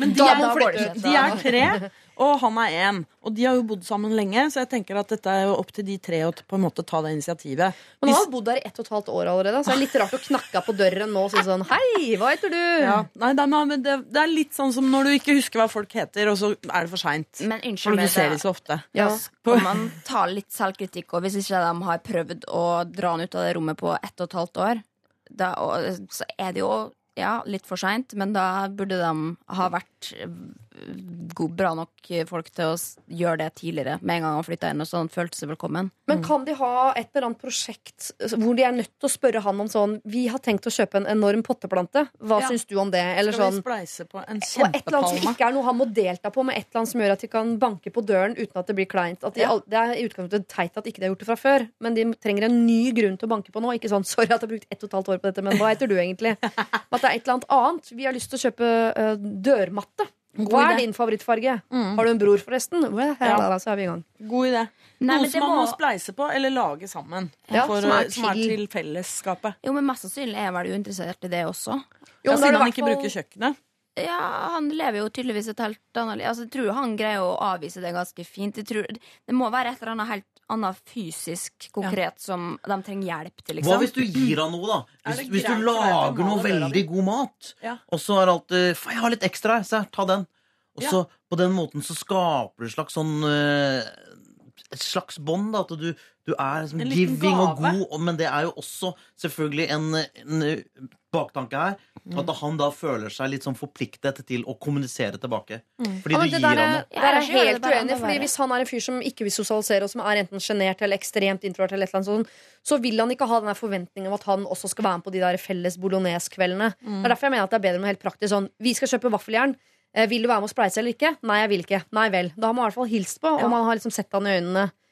Og og det er noe han helt sånn kan, sånn kan avvise, enn å være, liksom føle på det derre Åh, jeg må avvise en sånn festinvitasjon. Det er bare, jeg tenker at det er litt vanskeligere for han. Kanskje de har egentlig et veldig sånn tett bånd, de tre, som er vanskelig å, å komme inn i som Ja, det tror jeg. Ja. Dette er Er P3. Dere, Vi skal dele ut en kopp her i Lørdagsrådet, og uh, dagens eh, kandidater er eh, altså Vi har eh, Maria, som eh, er på dealeren med Hans, men plutselig ringer Christian, hennes gamle flamme, the one that got away, og lurer på om hun vil komme på besøk. Hva skal hun velge? Så har vi Tove, som har en venninne på designstudiet som eh, plagierer alle innleveringene sine på skolen. Eh, Noen er truet med å gå til læreren, men Tove lurer på om hun skal være en god venn og ta det opp direkte med henne. Jens har en far som mens han har vært i militæret eller et eller annet sted, så har han solgt unna en del ting, blant annet konfirmasjonsdressen til Jens, som han ikke bruker lenger, men den var jo dyr, så Jens lurer på om han kan kreve pengene tilbake. det syns jeg er gøy. Og så er det Pella, da. Pella er ikke keen på kompisen sin og lurer på om hun skal si det til han, eller om hun skal la han finne det ut på en eller annen måte. Og der gikk vi vel for en slags utfade. Kristine lurer på om eh, pengene eh, bare kan være hennes. Altså Hun har en eh, mann med spillegjeld. Nå har hun arvet litt penger og lurer på om hun kan bruke de bare på seg, eller om de må forsvinne inn i det store felleshølet. Da skjønner du hva jeg mener. Altså den store uh, fellesøkonomien til familien. ja, vi forstår. Vi Ja, ja, forstår. ja, ja. Ja, Ja, ja. ja, ja, ja. Og hvis du vil uh, satse på dette her, familien, så må du investere både penger og hjerte. Hugo lurer på om eh, naboen kan ha Tourettes eller en psykisk lidelse. Han har i hvert fall bråker med en veldig rar eh, type bråk. Men kan han gå og si fra om det, da? Når eh, alt tilsier at naboen er syk. Prøv å være medmenneske. Spør på en vanlig tirsdag. Hilde lurer på om hun er offer for the rubber band effect, som vi nå alle vet hva er. Gutter kommer og går, vil aldri noe mer, og så kommer de tilbake. Altså, det blir aldri noe ordentlig. Eh, og vi tror du skal bruke litt mer energi på å finne ut av hva du vil hele tiden, ikke satt opp mot hva de ønsker. Erna, skal hun satse på venninna eller politikken? Eh, Det kommer litt an på om det er venninner eller politikk du vil satse på i fremtiden. Der ligger valget ditt. Så er det da gifteknivparet som vil spleise bror og venninne. Da gikk vi vel for en eh, hyttetur. Og Lotte til slutt her, som har en, en hun bor sammen med, som hun ikke aner hvem er. Da må vi gå inn i en spleis, da. Og vaffeljern eller potteplante eller hva det nå ble til eh, til slutt. Hvem skal få uh, koppen, søstre? Jeg tenker at, uh, at han skal gå til Kristine, som har en mann med spillegjeld.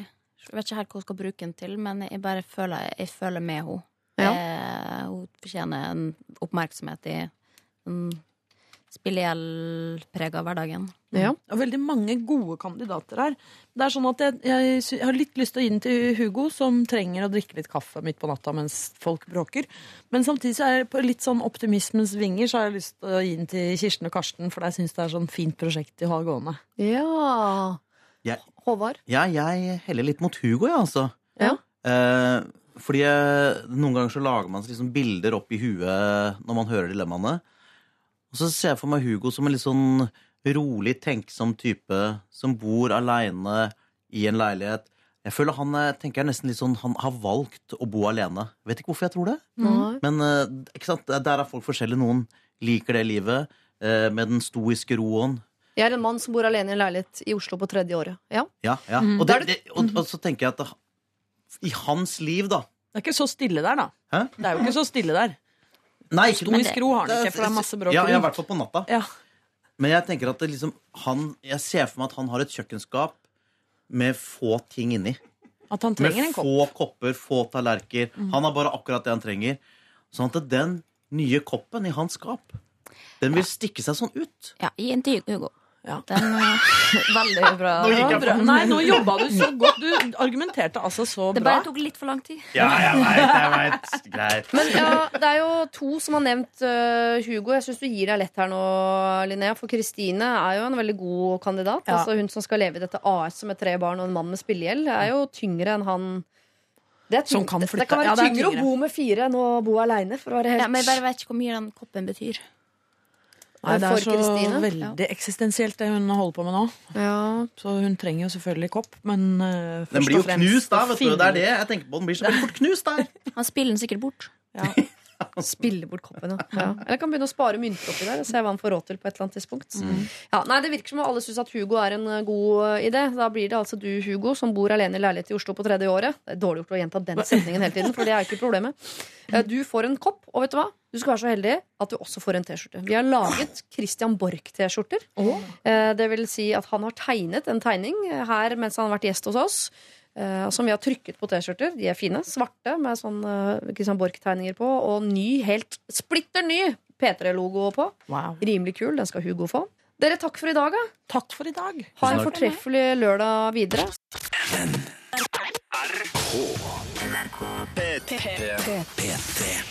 P3. Halla! Ja da. Hva har skjedd? Jeg skal feire bursdagen til datteren min i dag. Hun har fått inn tre sånne om folk som ikke kan komme fordi de er syke. Det blir jo mer brownies på meg, da, men unger merker kanskje ikke sant. Om det er 17 eller 20. De kan jo ikke telle. Eller det kan de selvfølgelig. Så hvor gammel er Signe igjen? Hun er Hun blir fem på tirsdag. Det tror jeg før eh, den der følelsen av at folk ikke vil komme, følelsen kommer. Ja. Det blir mindre folk for deg å holde styr på, Siri. Det Digg for meg, selvfølgelig, for. Men eh, den gikk ikke Det er mye som går rett inn i egosenteret mitt, men akkurat den gikk forbi og inn i den der du virkelig liksom eh, Der man egentlig skal være oftere. Hjertet. Åh, oh. Shit. Det er så gøy med Håvard Lilleheie, for han, han er så er- På en måte så er han- så det sånn Skrike! Si ting høyt! Ha en sånn guttegutt! Og så bare plutselig sånn Jeg føler Sammensatt type. Samme sånn type. Mm. Gøy. I dag kom det en sånn eh, genser som mammaen hans hadde strikka, og dro på med den vestlandsdialekta på et eller annet tidspunkt der. Da mener jeg at han, sjarmen hans gikk opp med 35 Men Håvard sa også at han var ganske fornøyd med sin egen sjarm fra før. At han Ja, trengte ikke han mer. trengte ikke de ekstra 35. Skal vi bare debrife Rockefeller litt? Ja. For mange som hører på dette, var jo der. Ja. Det Hei, var, hyggelig å se dere. De, var, de var pene. Mhm. De Pene var, folk. Og, unge. unge. Unge de, folk. De var ehm, eh, Og så var de glade. På modig, utadvendt. Men for den det er det som er- humor, altså. Ja, det, det er da, hva er det for noe, den ordene til P3? Det vi skal Ja. jobbe etter. Men eh, for at eh, vi har, nå har vi jo laget et radioprogram en stund. Ja. Og der det er- var det lenge siden vi har hatt show. Ja. Er du ikke enig? Jo, og, Altså, sist vi hadde sånn offisielt show, må vel ha vært Ja. da du var i Bergen? Ja, antagelig. Da hadde vi bare livesending. Ja, ja, men, det, men det var jo ekte publikum. Folk Det var kom- ekte publikum som så på. Men eh, det eh, har jo sammen med det andre teatret ofte på det andre teatret. Ja, Men det det er første sant. gang Det har jo en gang i måneden, hatt det i et år snart. Sant det. Men det er jo ikke noe vi snakker om her på radio, bortsett fra akkurat nå. Det må være lov her, da. Det må være lov. Men Nå lig- folk ligger og sover eh, uansett. De sjuke jævlene du bruker podkast og sover. Det er sant. Det er sant. Det er sant. Men Rockefeller det var utvilsomt en suksess. Jeg håper vi får gjøre det igjen. Altså. Men vi må prøve å komme oss og gjøre oss på morgenen et sted. Sende direkte på morgenen. Ja. Ja. Mm. Jeg har lyst til å gjøre det fra en kafé som har skikkelig digg bakevarer. Vi prøver å finne en jeg til Trondheim. Eller til Stavanger eller til Tromsø. Jeg orker ikke å dra helt til Tromsø. Det er så langt. Å, ja. Det, nei, Det går ikke flyet ditt. Det gjør det jo. Det er Tog. akkurat det der. Det går ikke toget ditt. Ja, Bodø, da. Bodø! Å, det er gøy! Ja. Bodø! Vi drar til Bodø! Egon Holstad bor i Tromsø, hadde en dott. Å, sorry. ja, da ble den bookinga gjort. Da. Men komme seg fra Tromsø til Bodø, det er ikke noe problem for folk. Eh, skal vi se, hva var det, Henri? Jeg elsker thaimaten på SAS hotell i Bodø. Vi drar dit, da. Ja, jeg, kjempe, jeg elsker Tromsø. Kjempelenge har vært der. Ikke si Tromsø, jeg sier Bodø. Hæ? Du sa Tromsø? Nei, Bodø. Ja, jeg hørte ikke etter. Jeg er viktig i Tromsø. Jeg har masse familie i Tromsø. Jeg orker ikke å dra dit. Ja, okay. Jeg har ikke vært i Bodø, så jeg gjerne. Nok om det. Jeg skulle si også en ting om capsen. For Henriette var så usikker på Hva var det hun snakka om at det var et syndrom når hun hadde på seg caps? Hun syntes hun så litt rar ut med caps. Mm. Men tok den jo på igjen, da. Jeg synes den hun kalte stakk jo ikke så dypt. Så finere uten, ja. Men det er ikke så mange. Jeg synes, eh, Sorry, jeg skal være uh, mannssjåvinist. Jeg syns ikke jenter er så fine med capser. Nei, det er jo veldig populært, da. Ja vel. Det er mye som er populært, som ikke er fint. Skal Blant være annet sånne steinvaska, korte bukser. Åssen er mange går med noe for å vise sånn Jeg gir helt faen, jeg, for jeg er så fin uansett. Aktig. Åssen bukse er det? Altså hotpants, liksom? Ja, på en måte. Det er ganske digg, det. Ja. Ja. Men du liker ikke det? Nei. Jeg merker at uh, vi har hengt eh, mye. Vi har ikke mye å snakke om. Nei. La oss prøve å booke noen til neste sending, for der er ingen booket. Jeg aner ikke hvem som kommer om en uke. Så kanskje neste uke så er det du, Siri. Jeg vil ha Arif. Ja, men han har ikke, han har ikke gjort så mye. Jeg vil ha Arif her. Jeg ringer Har ikke gjort så mye. Hva, Nei, vi bare fant han, jeg søkte han opp, og han hadde ikke gjort hva så har du og jeg gjort? Dette er P3. Hei. Trykt opp T-skjorte, Christian Borch. Ha det.